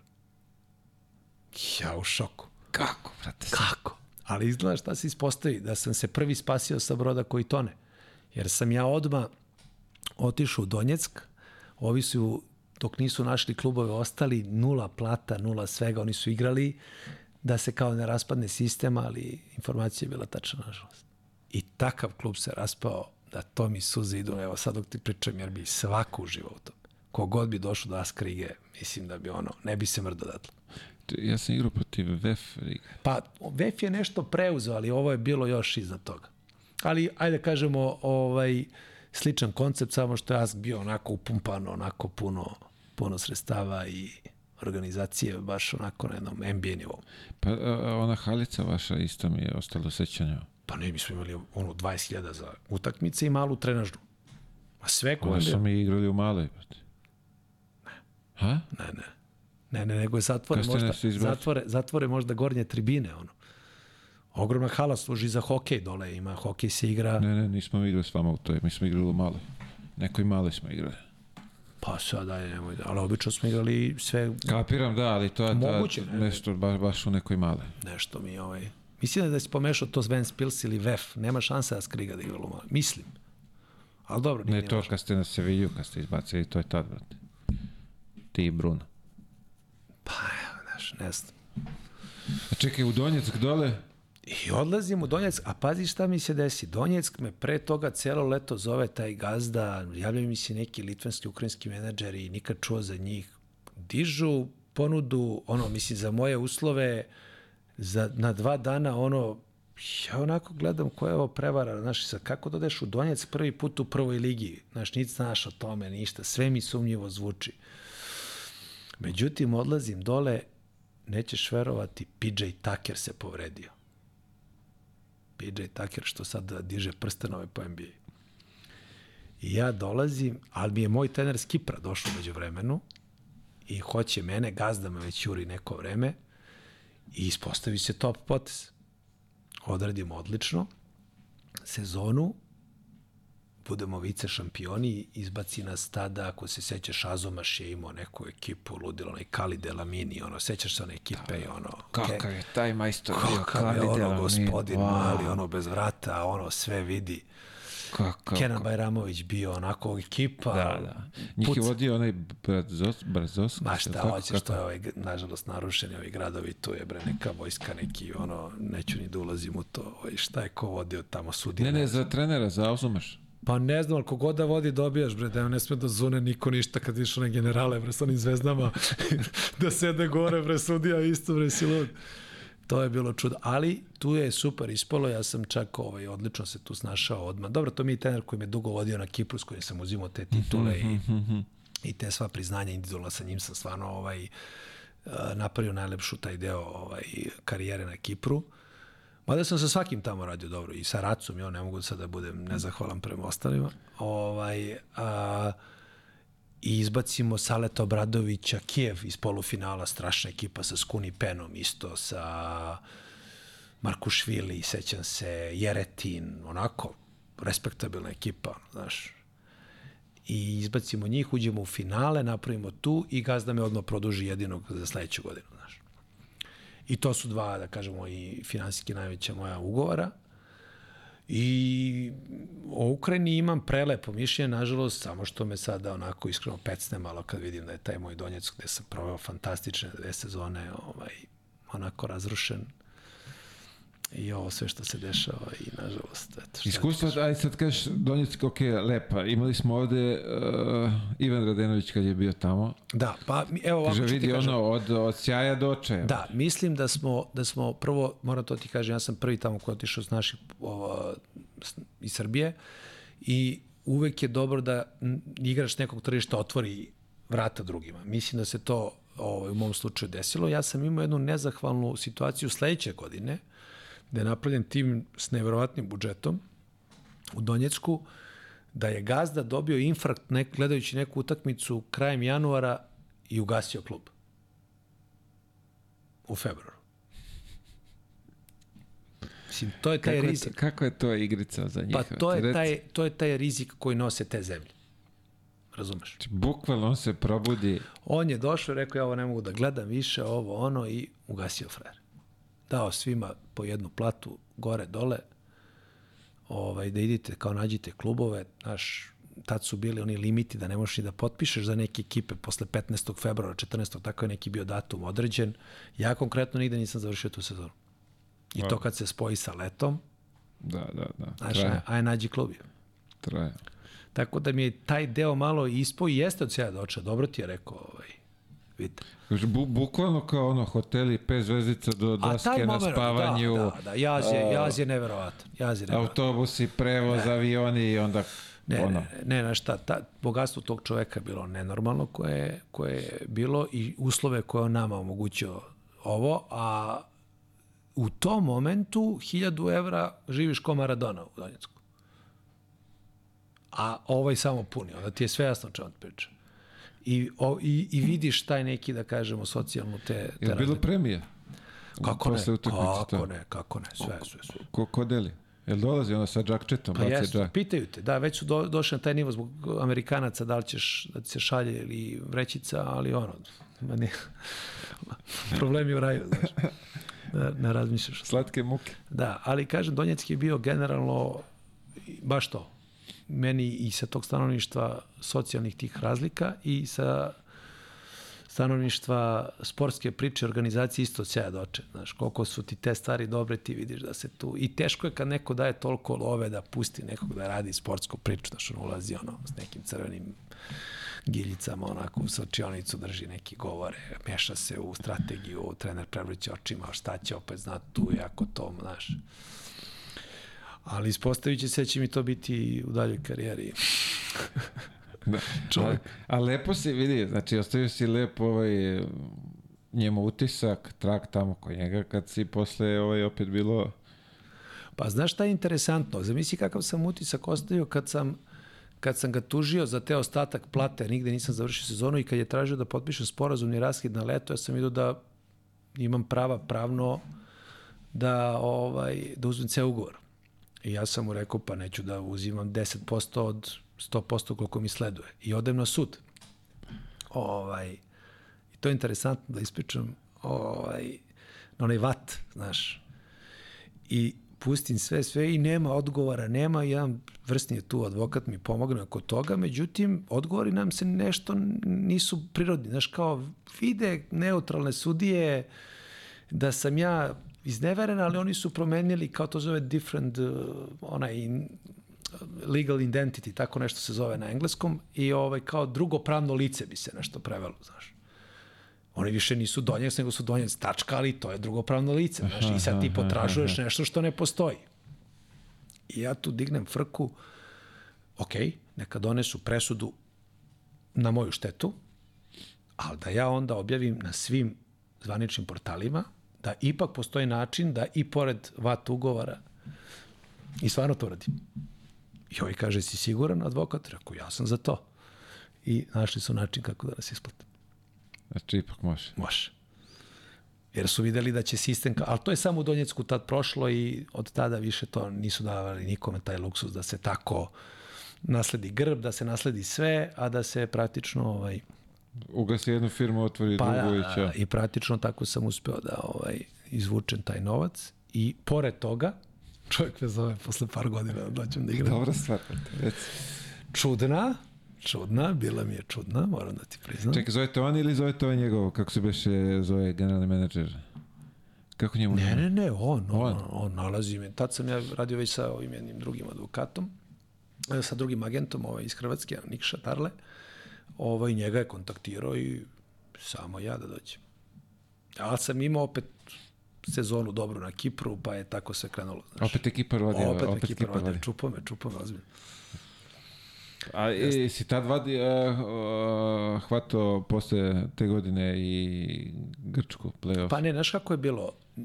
Za koje pričaš ovo pozdonjecka? Da. Ne, ne, nigde nisam završio. Ni- Nije moglo da se nađe ništa. Razumeš, tako je bilo neki limit do 14. da se potpiše, to je meni prošlo i posle nisu imali neko pravo, tako je bilo, to sećam se, ono, nigde nisam mogao završim. Ja sam čak bio spreman, obzirom da sam znao da ću moći da možda potražujem neka sredstva, ovaj, da odem, financije nisu bili ni problem, znaš. Sećam se i Aške je bio sa mnom, Ognjan Ašković je bio sa mnom u Donjecku i on isto ništa nije našao.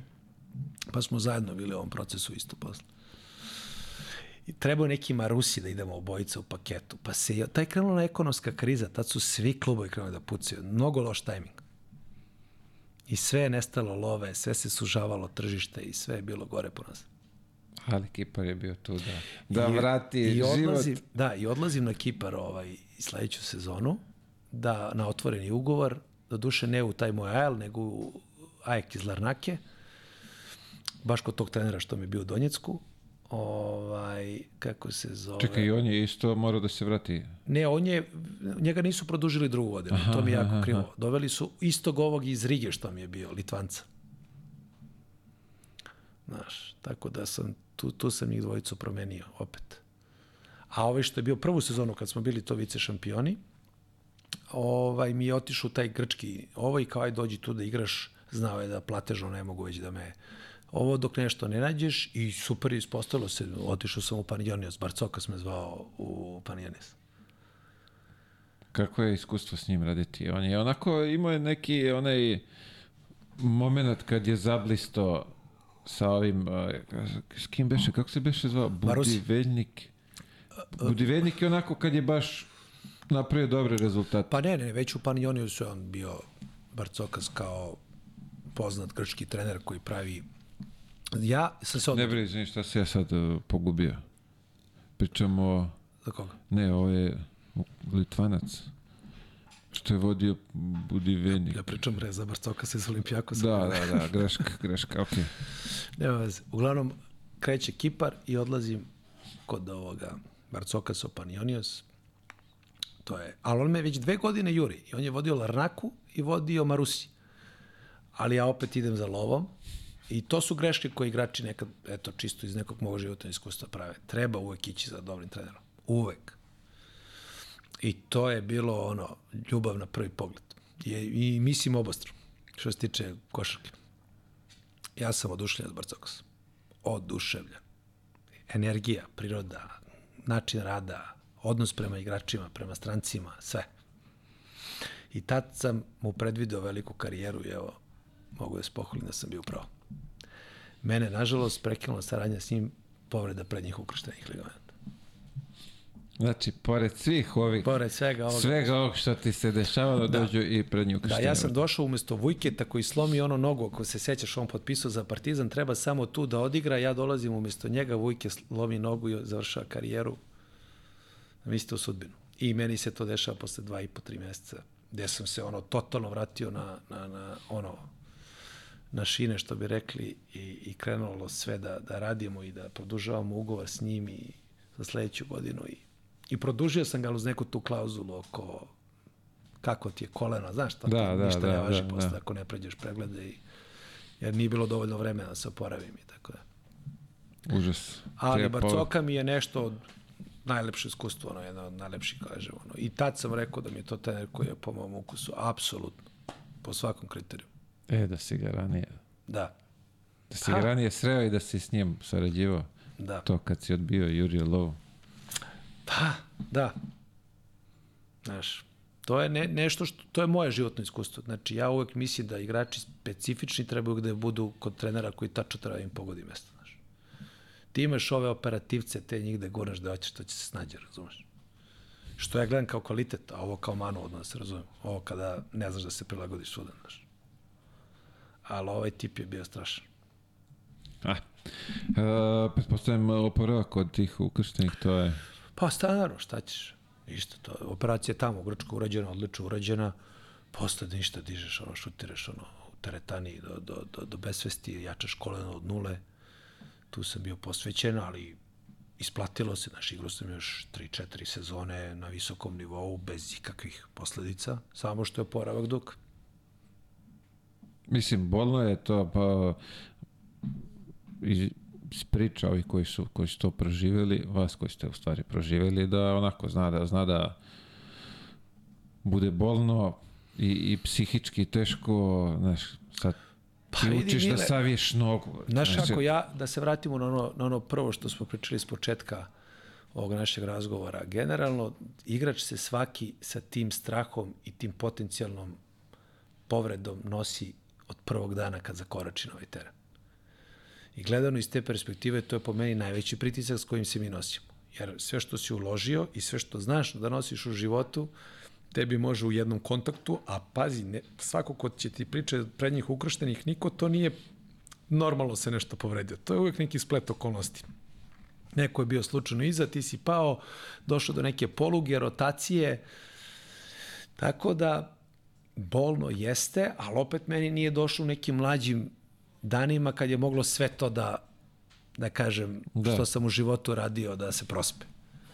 To je ipak bilo s 30 godina, pa i ne daj Bože da nisam nastavio, nešto se napravilo, nešto sam prošao, nešto sam sebe ostvario. Tako da najviše žalim za ljudima koji nikad nisu dobili ni tu šansu zbog tih povreda da, da, da išta pokažu u karijeri. Znaš. A bili su onako, ajde kažemo, i talentovani, i predviđali su im Tako lepe je. karijere i Tako sve i onda dođe do toga da ono, završiš mnogo rano, nisi spreman za nešto drugo da radiš, ne znaš ništa sem košarke. Da, ja, ja, ja ću sad malo ispričam jednu interesantnu priču koja se meni desila. Ja sam bio na spisku u nekim novinama, da li Blitz, da li ne znam tako nešto, deset naj, već, naj uh, kako je bio naslov, propalih talenata. Znaš za to? Među deset si bio. Deset je. Pa i to je uspeh, brate. Ja to nikad neću zaboraviti i tu su se uglavnom dešavali ljudi o, iz povrede ili nekih, o, ja to ne mogu zaboraviti. Se sećaš kojih deset? Sećam se svega i to moram ti ispričam kad se desilo. U momentu kada ja igram za As Krigu i ubijam najbolji ugovor u karijeri, ja sam ti na spisku, da, ne, ne mogu setim novine, ali ono kako se otvara na zadnja strana, ne može promašiš. Ne može promašiš. Se sećaš pozicije gde ste ovaj, rangirali? Ne, ne, ne, nije bilo prvo, nego kao deset, aha, aha, razumeš, okay, nije bilo okay. ono kao gradacijski, nego je kao bilo ovaj... Istina. Bilo je vezano za, za, za kao deset i tu je bilo Čubrilo, se sećam. Uh, bio je Mladen Šekolarac, bio je možda čak i Nikola Estr... ne, sigurno Nikola Stratijević bio. I sad u tekstu pored o meni kažu majstor na Kipru, ali kao, znaš, nije Dejan Bodiroga i kao možda neopravdano je ovde, ali smo ga ipak stavili. Brate, ali ste me stavili, evo. da se nađe. Ali ste me stavili, znaš, ono. Ali to ima i prednosti, znaš, generalno, ono, nemaš neki publicitet što te u tim godinama već malo i zamara. Tako pa da, dobro, da, da, da, u tim to, godinama i Da zove rodbina za zajam i to, to znaš.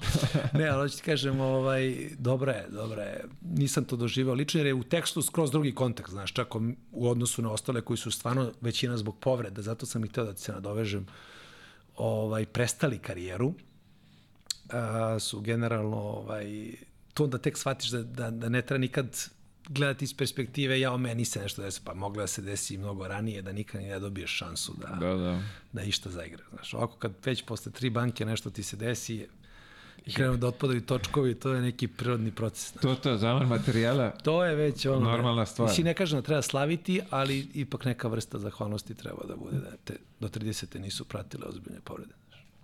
Pa posle samo da se oporaviš Tako je, oporaviš se, završiš negde na nekom nivou. Kraju, tako, da. Lepo si ti, ovaj, ajde kažemo, kad si ušao u tu ciljnu ravninu, lepo si ti priveo karijeru kraja. Završilo se najlepše moguće. Znaš, u smislu mesta, ovaj, sad tu je bio, posle tog Panioniosa bio je taj Pauk, kao neko rešenje, jer sam ostao dobar trag u Grčkoj kod Barcokasa, pa sam na krilima toga imao dosta ponuda, ali Grčka je tada opet krenula da se ono, baš gasi, kompletna, samo Pantenikos i Olimpijako su otišli ono mnogo visoko, niko tu više nije mogao da ih prati.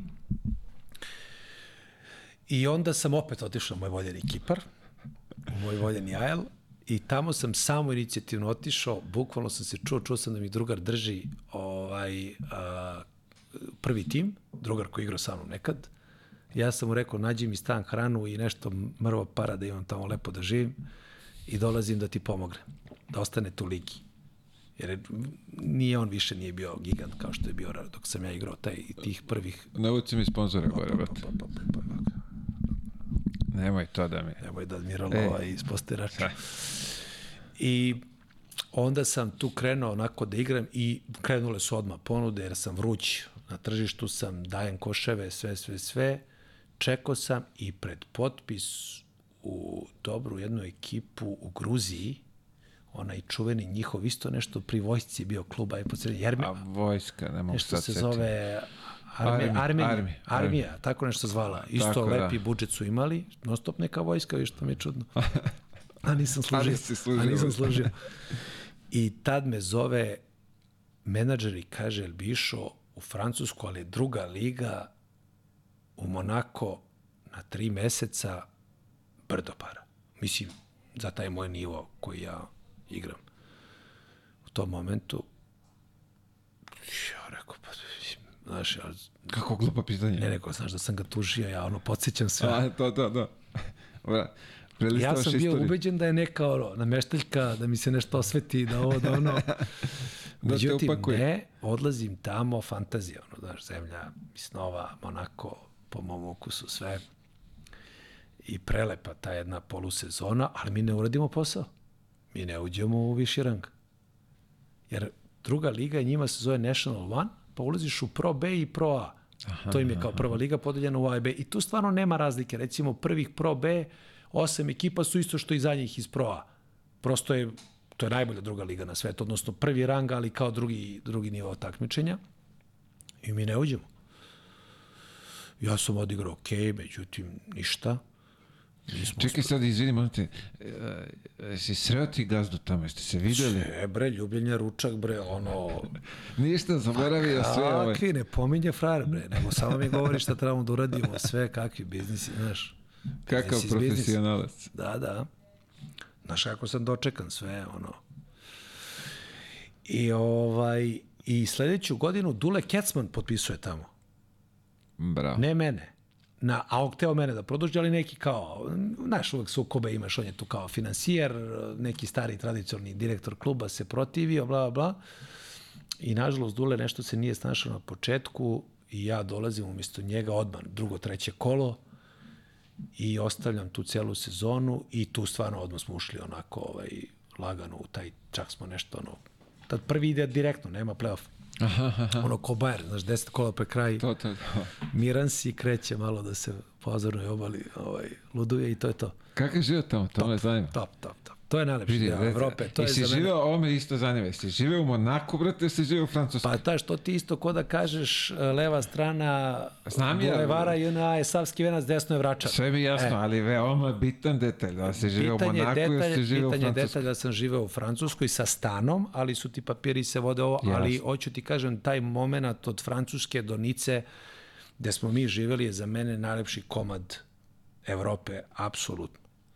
To su ta mala sela, Od Monaka do Nice. Od Monaka do Nice. To nije Azurna obala, ljudi pravi grešku, Azurna obala je od Nice ka Kanu, ali ovo je, ovaj, kako se zove, nešto što je apsolutno i moja želja da neku penziju tamo, ovaj, odnosno neke pozne dane ovaj, životne tamo, tamo da proživim.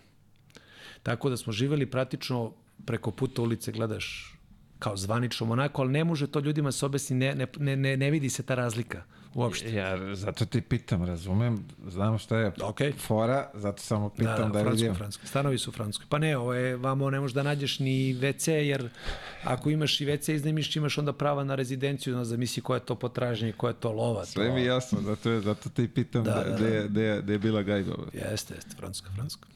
Je, o, ja, ja sam bio s njima na, na pripremama ovaj, gore posle, Stvarno? slagaću te, kad ih je Zvezdan preuzeo. A, o, tad, tu sezonu moju drugu, znači ne tu kad smo ušli, nego sledeće. E, bra.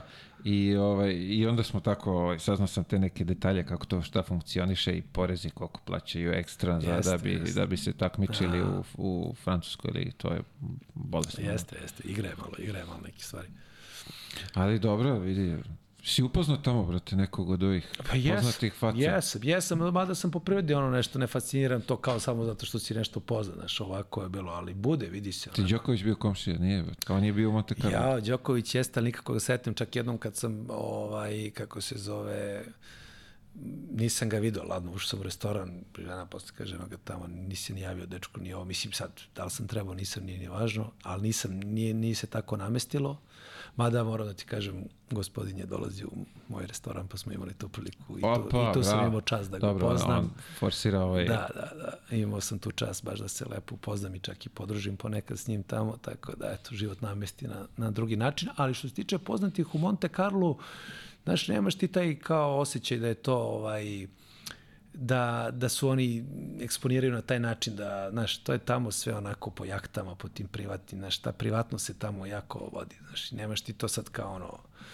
Nema ga da sedi u bašti sa... Pa ne i da sedi, znaš, tamo je malo i ono klošarski to kao dolaziš, sediš, znaš, tamo vodi se računa, to sve bude onako, ovaj.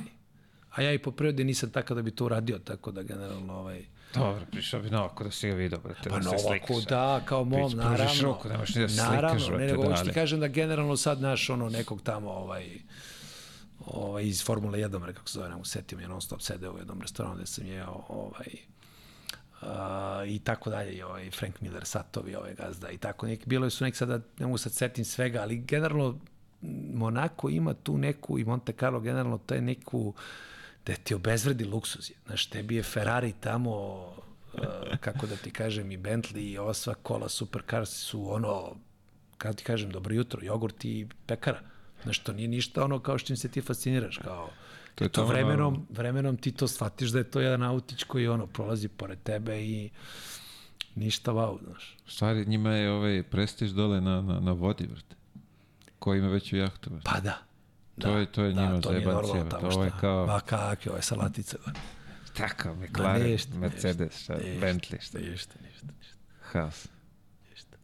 A dobro, vidio si i taj krem. Pa jeste, lepo mi je, prijelo mi, kažem ti, ta prva godina je ovaj, druga, odnosno ta, ta kad smo malo ovaj, osvojili taj prvo mesto i ušli i plasirali se, mi je puno dala prostora da iskoristim to, jer to je bilo dva meseca pre kraja lige, smo mi obezbedili ulaz, završio sam posao i onda pun gas po, ono, po tim krajevima i stvarno je Francuska kao francuska zemlja, nevjerovatno. Znači, ono, sve im je dao Bog, od planina, od šuma do skijališta, do mora, do plaža, sve. I to ko upozna, to je takvo bogatstvo, jer to nas se toliko po tim regijama razlikuje, po dijalektu, pa ja koji ne znam francuski, ti to primetiš da je drugačiji jezik, da je kultura, to je sve su male države u njoj. Fantastično jedno iskustvo. Si razmišljao tamo za penziju da se penzioniš tamo da živiš? Pa rekao sam ti malo pre da mi je Dobro, želja... to je ova, ova kasnija, ali odmah posle košarke. Pa ne, ne. Nisi bio razmišljao nigde da ostaješ, sam si željan- razmišljao zapravo negde da ostaješ, da živiš ovaj, van Pa, Srbije? ja sam, kažem, uz ovu moju, da kažemo, iz nekih velikih perspektiva kako su me očekivali skromnu sezonu, više nego skromnu karijeru, pardon, ne sezonu, imao stvarno privilegiju da su mi bili top gradovi. Znaš, to je Solun, to je Atina, to je Larna, Limassol i, i Monako. Znači, sve sunčano i eto, bile su ti Donjecki Riga kao vrlo interesantni gradovi, ali da nisu Mediteran. I to bogatstvo mi dan danas meni, evo i današnji dan, kad nema sunca, meni to fali. Znaš, navikao sam se na tu energiju i svuda bi živeo. Ovako kad me pitaš, ne znam da mi je bilo lepše, ali moraš da imaš i ostale elemente da se osjećaš dobro. To i drage ljude i porodicu i nešto što je meni u Beogradu, znaš. I zato mi je bila odluka da se ovde vratim, bio sam ga malo i željan i nisam pogrešio, ali da li će me put odvesti, znaš, nikad ne reci nikad, mogo bi da živim u svim tim gradovima koje sam nabrao, baš su dobri. Pa ja kad bi morao od ovih tvojih da biram, ja bi izabrao Kipar. Mislim da je onako. Dobro, ajde vidi, ok, famozan je. Solon Atina isto nije. Pa da, Atina mi je, ja volim Atinu, možda bi ja prvo ne stavio Atinu zato što su ovi mali, a po prirodi sam barem bio tada, sad opet se mi sa godinama menjamo, nismo isti. E, strašno sam voleo u Atini tu, tu veličinu grada, tu energiju, znaš, ne ponavljaju ti se face, ti odeš na isto mesto svaki dan, to su sve drugi ljudi, toliko je upliv tog, te, te, te energije u toj Atini i to vreme da, da ja sam s njom oduševljen, znaš. Možda jedini grad u tom momentu da bi živio pored Beograda. A ovi su manji, pa umeju možda na neke duže staze, ako si me razumeš šta sad ti kažem. Jasno, da. Kad bi leto proveo i ovo, onda se sve čovjek pa se malo ponavlja, mislim da, ali kako starim, verovatno bi me te manje više privlačila ta neka manja mesta, ne gužve i ovo, znaš. Ali u tom trenutku Atina mi je bila prvi pik. Pa, mislim da nisi jedin. Ma ne još pogrešiš, da, jedin. Mada i ovi su ja, kažem, vidimo onako Azorna obala. Šta je još bilo zanimljivo tu? Bilo je, bilo je lep, lepih mesta za... Ne bi ovaj... Ma čudno. Ne bi se pokajao nigde da Ma si... nigde, ma kakvi Monako ima poziciju, to nije normalno. To je Italija, odmah vamo, vamo Francuska, vamo planine, sve, gde god hoćeš. Nica, blizu aerodrom, možda odletiš da hoćeš. Jeftini letovi. Jeftino. Znaš kada ima vizer? Ma šta A, hoćeš? Uh, reci mi da, ovako. Najteži protivnik za čuvanje. Pa pošto sam ja takav specijalac u odbrani bio da prosto niko nije mogao da mi da koš, o, ja se time uopšte bavim, jele nisam bavio. Stvarno ne znam. pogrešno pitanje. Baš pogrešno pitanje, Kako odnosno pogrešno pitanje? pogrešan sagovornik za to pitanje. Nije loše pitanje, ali pa te ja to uopšte nisam, ono, ja odbranu nisam doživio. Dobro, ajde neko da te fascinirao od tih protivnika. Da si Pa evo, rekao, Tucker, PJ Tucker mi je saigrač. Prvi taj drill, kad se on vratio od povrede, kad sam došao umjesto njega, i sad našao ovaj to odmah namesti tu neku minijaturu da igrate jedan na jedan. Ja se sjećam kad je krenuo da mi izbije loptu, promašio i pogodio mi je palac, palac se slomio.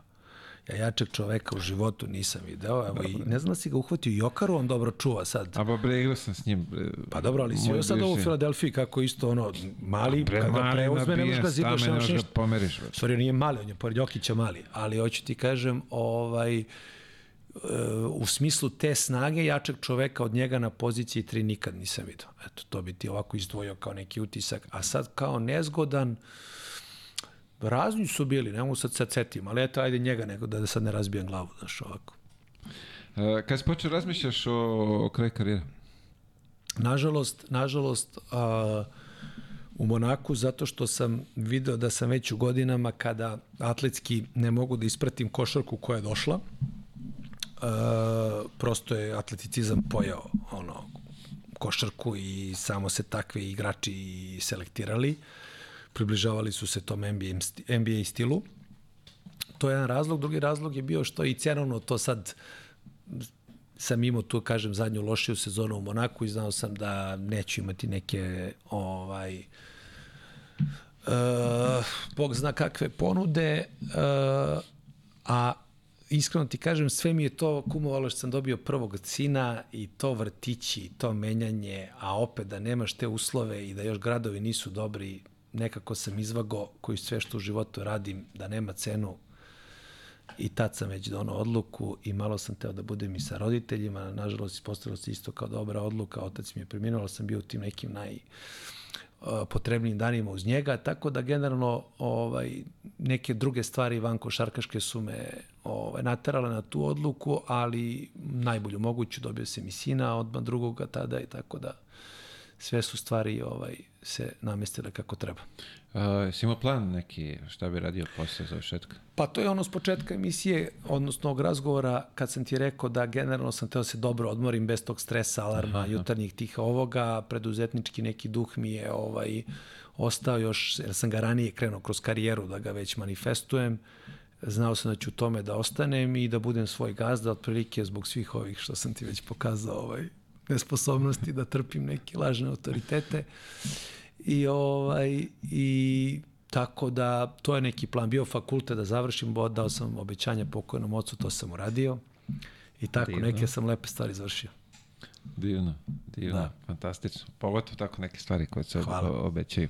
Uh, ajde ovako da se dotaknemo malo repke iz ovih tvojih mlađih selekcija. Pa tu je ovaj, verujem da ima zanimljivih isto nekih ima, ima, ima. temica. Pa ovako, tebi su tu najpoznatiji, pa ja sam, znači, kažem ti, 8-1 bio priključan, pa sam onda 8-2 dobio kapitensku traku i prešao sam kod njih, tu je bio Zlatan Tomić trener, isto jedan izvrstan trener koji mi jako žao što nije i evo vidiš i vidim po tvojoj reakciji da ne, da ne možeš setiš Zlatan je fenomenalan tip i dobar trener ali je bio isto visoko obrazovan intelektualac koji se pronašao u drugom ovaj da kažemo elementu svog života, to je građevina i on je tu generalno ovaj, uh, verovatno iz tog komfora nije grizo vamo, a zaista mislim da imao potencijal da bude izvanredan trener. Uh, I mi smo s njim bili čak prvaci u Mannheimu, to ono nezvanično svetsko prvenstvo, znaš. To je interesantno, znaš. Ali tu smo već, priključeni su nam 8-3 generacija. Uh -huh, tu je bio Nemanja Matović, Sećaš njega, Kako sjajan igrač. Spominjali smo ga sad skoro. Strašan sad, igrač, strašan centar. E, to je ta sudbina kad smo ono pričali o povredi, kako on nikad nije dakle. imao šansu da iskaže svoj nenormalan potencijal. Dule Đorđević, moj najbolji drugar. Ovaj, uh, Gaja Mali je bio, a od ostalih je bio Koprivica, Vlada Popović, Blagota Sekolić, Bojan Bakić, interesantna generacija, da. Sad neko sam zaboravio, ali ono, setit ću se. Uvijek kroz... se neko zaboravio, da, da, da, neće da. se niko ljutiti. Da, da. Jevđa bio, sad, ma, morao bi da vidim sliku Milicina i ne znam sad da li u Mannheimu on bio s nama, on je Miloš Pavlović, on je iz 8-4 kao nešto priključen kod 12, ali mislim da nije tamo bio on. Tako da smo bili prvaci sveta sa Zlajom, a posle nas je uzu u omladinskoj reprezentaciji uh, Jovic Arsić. Mhm, mhm, mhm. Bra, sećam se. Mislim da sam vas negde za... I da bili smo strašno negde. dominantna bili, generacija. Ne znam da ste bili. Ste bili u Vršcu možda na pripremu? Jesmo, non stop. Vršac i Beče, pa samo se to rolalo. Tako je. U Beče sam te prvi put sreo, ja da. mislim. Uh, Beče nam je bio ono, bre, kod druga kuće, znam ga na pamet sad, ono, Tiski cvet i onaj hotel Tiski ono sve. cvet, 11 plavi, ma a sve, tako bre, ma ne, ona terasa, sve nema ništa, ne pitaš me. Znači, bukvalno mladost mi je ostala tamo. Tamo su nas kidali, a po onim vrućinama i ono sve. Bez Ali vidi, to je najlepši deo i meni su praktično to ono, to, to nas sve obeleži, znaš. I moje i sva i kumstva i prijateljstva, sve su se desili iz tih nekih mlađih dana, igrači koji nisu posle se možda bavili I ovaj, evo i sad moram da pozdravim moju, dobio sam kumicu ovaj, u Majamiju, isto jedan koji je bio košarkaš onako do nekih tih mlađih selekcija. Ovaj, a iz tih generacija ono što mi je nekako najviše ostalo je da stvarno to kad igraš za reprezentaciju neponovljivosti. To mi je naj, evo sve ovo što sam ti danas sad pričao i mislim da je bila interesantna neka karijerica specifična, samo mi je to krivo što nisam uspeo reprezentaciju ni jednu utakmicu da odigram, znaš. Nije prosto bilo realno, jer sam imao... Pa, okej. Okay. Ali sam bio ono, znaš... Ali bio si tu, projektovan da, si bio za, da, za to, da. znači to je treba da bude taj neki sledeći korak.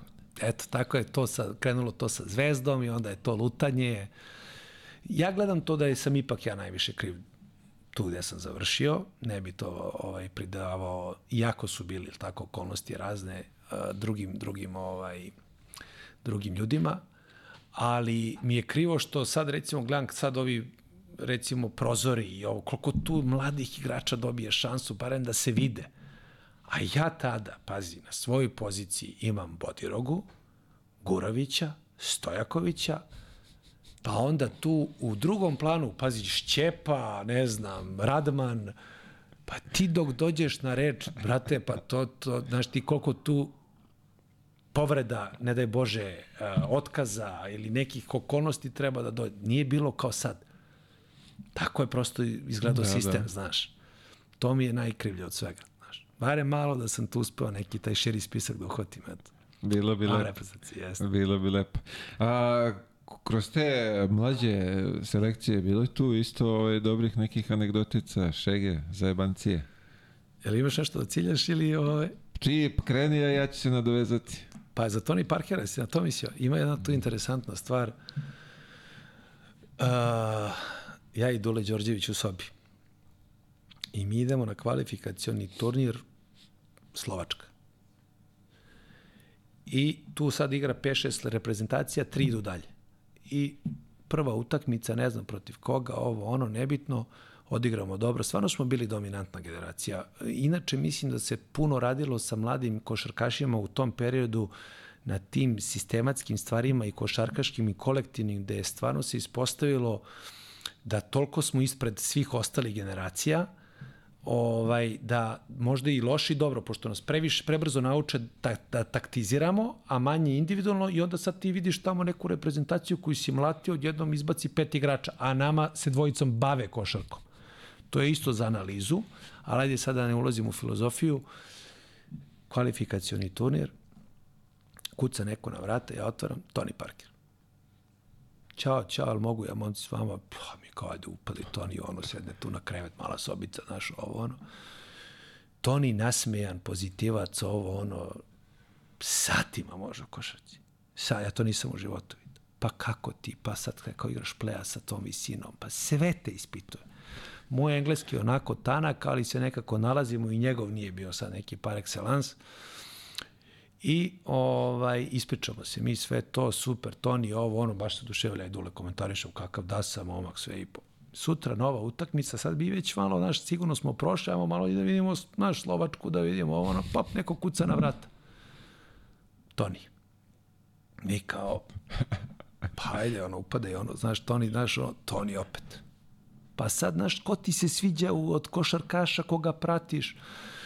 Mi već se malo nervozili, mi smo nervozili, ono, znaš, Toni ima tu nešto, znaš, da se pogleda, znaš, neka Slovakinja i nešto, znaš, može malo brže ovo, ono, Toni, ono, znaš, cepa sve, ovo, ono, ali toliko je bio nasmen, ne znam kako je sad onako namršteni, ono, ovaj, da li ga ova Eva upropastila, ali baš je bio onako vedar dečko, neverovatno, i osmeh ima onaj neki dečački, ovaj, i mi ga nekako skratimo, razumeš? Treća utakmica, mi se kvalifikovali, sve gotovo, sad sve jako se ostavlja, našli smo neku tu kafanicu, nešto, nešto da se provedemo, ovo ono, neko opet na vrata. Ja kroz špijunku, Toni, ne otvori. Nismo tu. Ne otvori dule. Dule kaže, ništa, mi čuti, nismo tu. Toni još jednom, dva puta, vidi, nema nikoga ovde. I ovaj, I naravno, ne zato što nam je Toni, nego znaš, u tom momentu nismo uopšte ni slutili te visine, mada je obećao da je ono brži od metka, da će da bude čudo i onda je to stara fora Sjećam se mi negde na moru, ja i Dule, ovaj, ovaj, onako otvara žurnal, kaže, samo ti nemoj da mu otvaraš vrata, a ovde je naslov, sećam se, ko juče, devet cifara, bat. To nikad neću zaboraviti. Kaže, samo ti nemoj, kaže, glumiš mekera i ovako drži žurnal. Tako da, ovaj, eto, to je jedna interesantna tema, ovaj, ali bilo ih je dosta, bilo ih je dosta. Uh, kako se zove? Ajde, nema veze. Uh, o jebote, Otaš. Otaš mi reče da ste bili cimeri više puta. Otaš je legenda, bre. Ne znam sa šta ti je sve ispričao, nadam se da ovaj, nije baš sve, ali za Otaša imam jednu foru koja je toliko dobra i to dan danas moji valjaju. Tad bili fiksni telefoni. I sad onako svako samo u minut da uđemo, da što manje dole platimo na recepciji, znaš, ono, da kažemo, dobro smo, kući. super, sve ovo, ono. I sad mi u Parizu idemo opet na te... Nosto smo sa, sa tim Francuzima igrali. To je nevjerojatno, te preteske, P6, ono, imala neka lepa saradnja na, sa njihovim savezom. I otac se javlja, sećam se to ko juče. I sad vratno ga Keva pita ono kakav je Pariz. Ma Parisko, Pariz, kaže. Ga onako gledam, ma ne smara me, kaže Keva, Parisko, Pariz, znaš, i ono, to mi je bila jaka fora i onda dan danas kad god mi neki druga rode, ovaj, kaže, kako je bilo, ma kaže, Parisko, Pariz, kaže. Čekaj, moguće da si ga tero ovaj, da ti peva Šabana svaku noć? Jesam. Jesam. Pa zato što, pazi, on je, pravi, on je znao prave kafanske pesme. Znaš, otaš je strašan tip. A ja ovaj, sam onako tad volao narodnjake, ali prave narodnjake, znaš. I, tako da mislim i otaš je tu bio... Koje je, koje je pesma u pitanju? Pa sad slagaću te šta sam tad naručivao, ali generalno sam ono, od narodne muzike Šabana i ja mislim da i oni Halida Bešića, to smo dvojicu nazvoje voleli i to nas je spojilo, znaš. Tako da smo se ovaj, dobro veselili. Kaže da su bila dva galeba. Dva galeba, jest. Aha. Da, da, da, da. To je izbacio. Samo to. Majstor. Majstor, jeste. Kaže, morao sam pevamo svaki, svaku noć dva galeba. Pa sad kad me setiš, sad ne znam sad da li svaku noć, ali jeste, da, da, imao je to, imao je tu emociju. Čekaj, ja ne znam kako peva, sad ti bi... Dobro, Pa pazi, sad me vraćaš u 25 godina unazad. Pa amatorim, ali, ali ti osvežim. Ne, ne, ne, okej, okay, okej, okay, ali čim sam ja to terao, nisam to terao, misliš ono šištanje, nego terao da uživam, to misliš, ili tako? Na to je valjda tako prezentovano, znaš, nema ko nekog nasilnika. ovaj, uh, da, da, mislim da je ovaj, to dobro zvučalo. Posle smo se mi negde na nekim proslavama i zajedno pevali, brevatali mikrofone i to bilo je svašta to nešto. Lepo. Sa Otašom ovaj, vidi... U, Otaš je bombona, bro, on je lutka. Nećemo, nećemo ove što ne bi trebalo u javnost da se pričaju, to ćemo ostaviti za nas. Obavezno. Ali ovaj, ovo mi je izbacio, kaže, brate, ovo smeš. Jeste, jeste, jeste. Se možda sam peo svaku noć. Jeste, pa vero, bilo nam je lepo. Sećam se i to u Parizu, isto Pariz je Pariz, to mi je ostalo i da smo se uvek tako dobro. Pa gledaj, to je, to je najlepša stvar po meni druženja. Znaš, to, to te, evo i sad kad ti meni kažeš, sad se to meni sve vraća na vjeru mi te, te, te scene, o, to je bilo stvarno nešto prelepo, znaš. I tu ti ostanu te zabeležena druženja i te sobe i te vragolije kao neko najlepše bogatstvo, znaš, koje ti u stvari sport pored ovih ostalih stvari koje te omogući donese. Pazi sad, opet spomenjemo Bečej, vrate, onaj hotel, tiski cveti se. Ma šta, pa ja ga obožavam, nema veze. Šta ko, koji su ono uslovi bili, Sve. šta je ono, ali to tako ti ostanu A teško, te neke... teško bi to možemo da prepričamo i da nađemo adekvatne reči da ljudima dočaramo koliko to u nama svima ostavi na kraju lepe emocije. A dok smo tamo, svašta nešto proživljavamo. Znaš, mi toga tada nismo svesni, složit ćeš se. Apsolutno. Da ti to vreme i neka vremenska distanca tek posle onako, ovaj, kako se zove, dočara. Vratite to, znači, yes. ne, neka priča, yes. sad ko ovo, pa lupa, yes, pa se poveže. Onda, kad kreneš da pričaš, onda samo se javljaju no, no, nove priče, nove stvari, šta, yes, yes, šta yes. se, ovaj. Kaže ti, ja sam tamo tebe prvi put tada ovaj, sreo, tad si važio isto za šmekera gradskog. Hvala. Uvijek je bila šminka. Jeste, a? Hvala. To je bilo, ali 2000, uf, prve možda. Pa ne znam, da. Prve, 2000, 2001, tako. Tako da. Se nešto zagazio tamo, bilo slu, slučajno ovaj, sam se našao tamo. A nisi tako. bio, ja sam mislio da si sa mladom reprezentacijom bio. Ne bre, ja sam bio ono 8-4, ona okupljenja, znaš. Pa ono. to sa mlađima si bio tamo, pa si nas vidio starije, to misliš? Da, da, da. da. Pa da, da. Ne mogu seti sad ko je sve bio tad u, od ovaj, u tvojoj ekipi, ali... Pa ovo sam ti nabrao, vidi, posle smo bili u Omladinskoj, bila strašna reprezentacija, bio je Krstić na centru, bio Blagota Sekulić, kažem ti, bio je Boki Popović, Malina, Ivan Koljević, Saša Pavlović, A to je već moja generacija, brate. pa samo su Kolju predložili četiri. A ovo su bile tri, Malina i Pop, Krle, Blagota, ja, Bakić, dobra bila repka, strašno. I dobre karijere su... Dobro, baš Napravili. dobro. 8-3 je baš dobro. Znači, 8-2 tu je Blagota Sekulić imao jako lepu karijeru. Krle 8-2, je li tako? Ne, nije 3. Svi su ovo Krle 3. 8-3. I Pop i Malina, sve su 8-3. Zvezaš? Mm, Sam bio ubeđen da je Krle 2. nije, nije. 3. Ali je dobro bila ta reprezentacija, baš dobro. Saša Pavlović isto 3, NBA.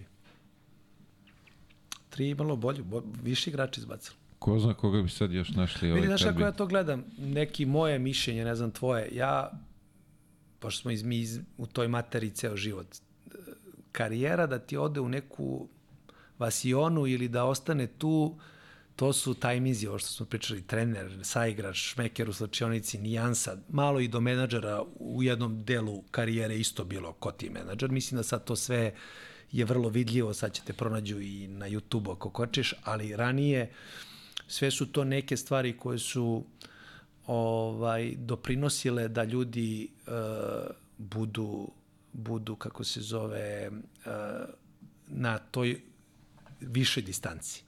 A vamo deluje ko vasiona razlika, znaš, nečija karijera, a u stvari tu su igrači.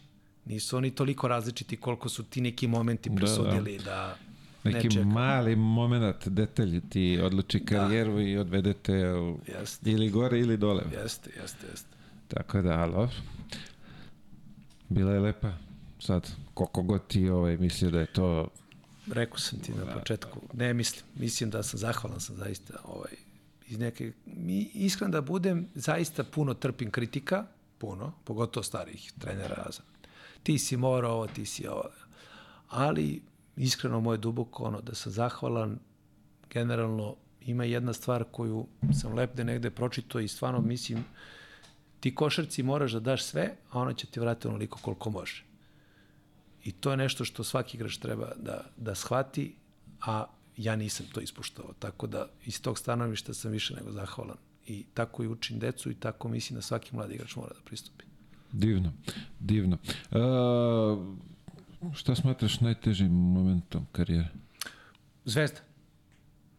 Zvezda i taj susret sa tom, da kažemo, novom nekom filozofijom, nekim novim trenerom, to je moment kad sam onako baš prvi put doživio taj udarac, da je nekako je sve klizilo kod mene od tih malih nogu, od tog još Dragana Jakovića koji me prepoznaje sa tri godina mlađem i ja nikad nisam imao ni jedan ne udarac u zid, nego da sam se približio zidu. To je bio neki udarac i najtužniji moment onako kad sam kad sam onako baš se osetio onako počeo da se prebiram šta, kako, gde igram. Posle toga je sve bilo, bilo je i ova povrede, ali zreli si. Da, da. Drugačije, ovo kad si mlad, kreneš da se sabiraš, oduzimaš, množiš, a na kraju se u Teško stvari, pada. a na kraju se podeliš. Teško pada mnogo. Mm. Bolno je. Bolno, baš bolno.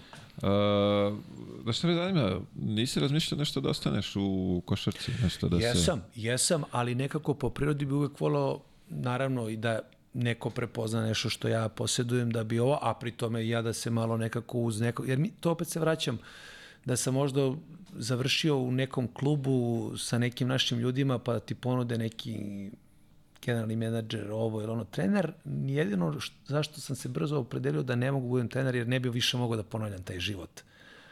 Što smo pričali, to, to je užasno naporno. Znaš, i ko ima porodice, ja vidim već cenu koju bi platio toga, a to je realnost. I igrač i trener biti u stvari najveća fora u spremnosti koliko će žrtvu da podneseš. To je bare moja neka perspektiva. Sve ostalo je, može da se priča, ali ovo je po meni najdominantnije.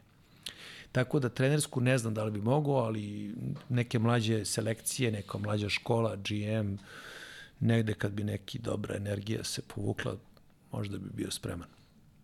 Zanimljivo. Lepo sam se odmorio.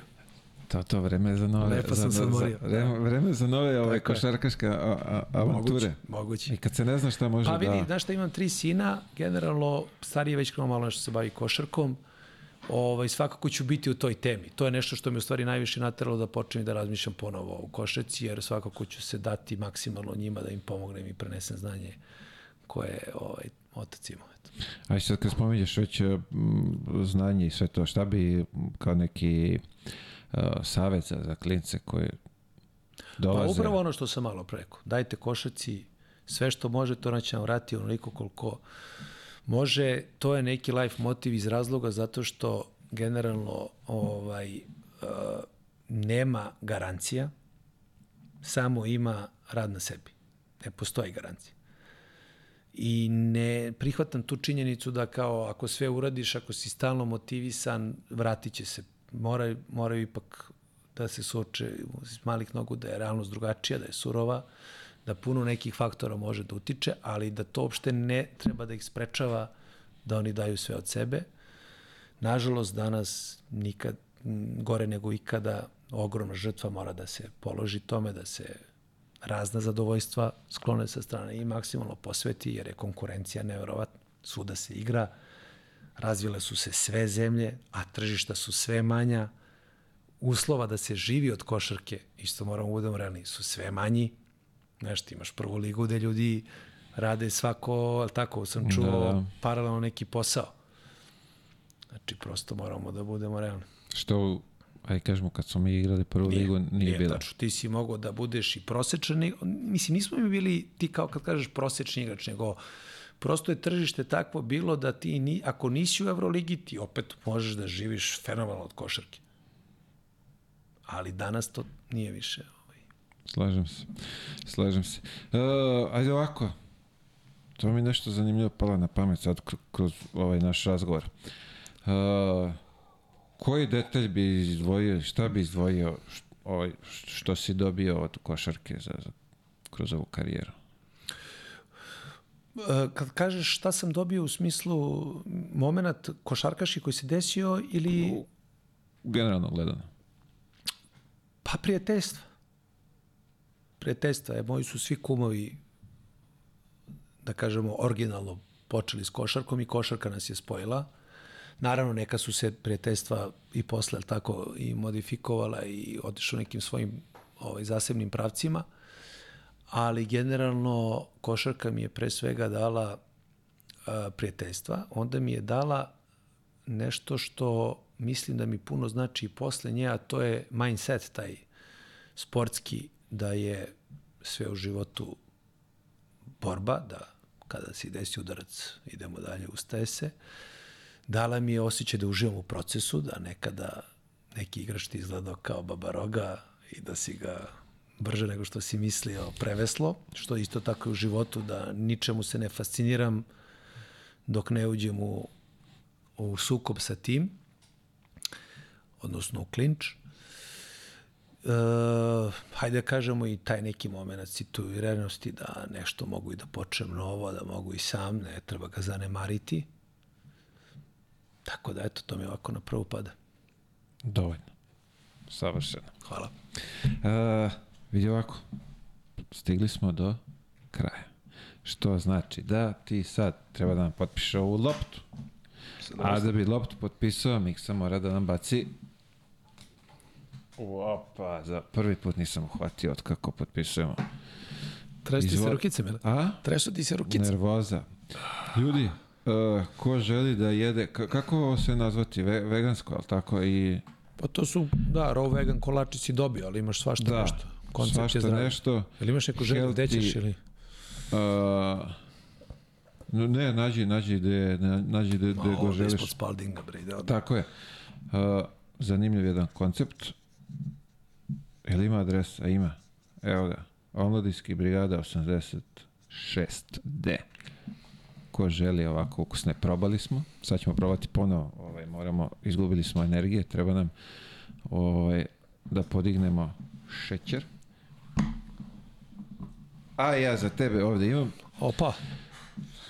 Tri, do, tri doline Merlot od Matijaševića, inače pobednici uh, Balkana za 2022. godinu. Svaka čast, veliko ljubitelju da ćeš to sa, sa da gospođom, jel tako? Da, da. Eto, vidiš. sa gospođom možeš to ovaj, da Hvala, degustiraš.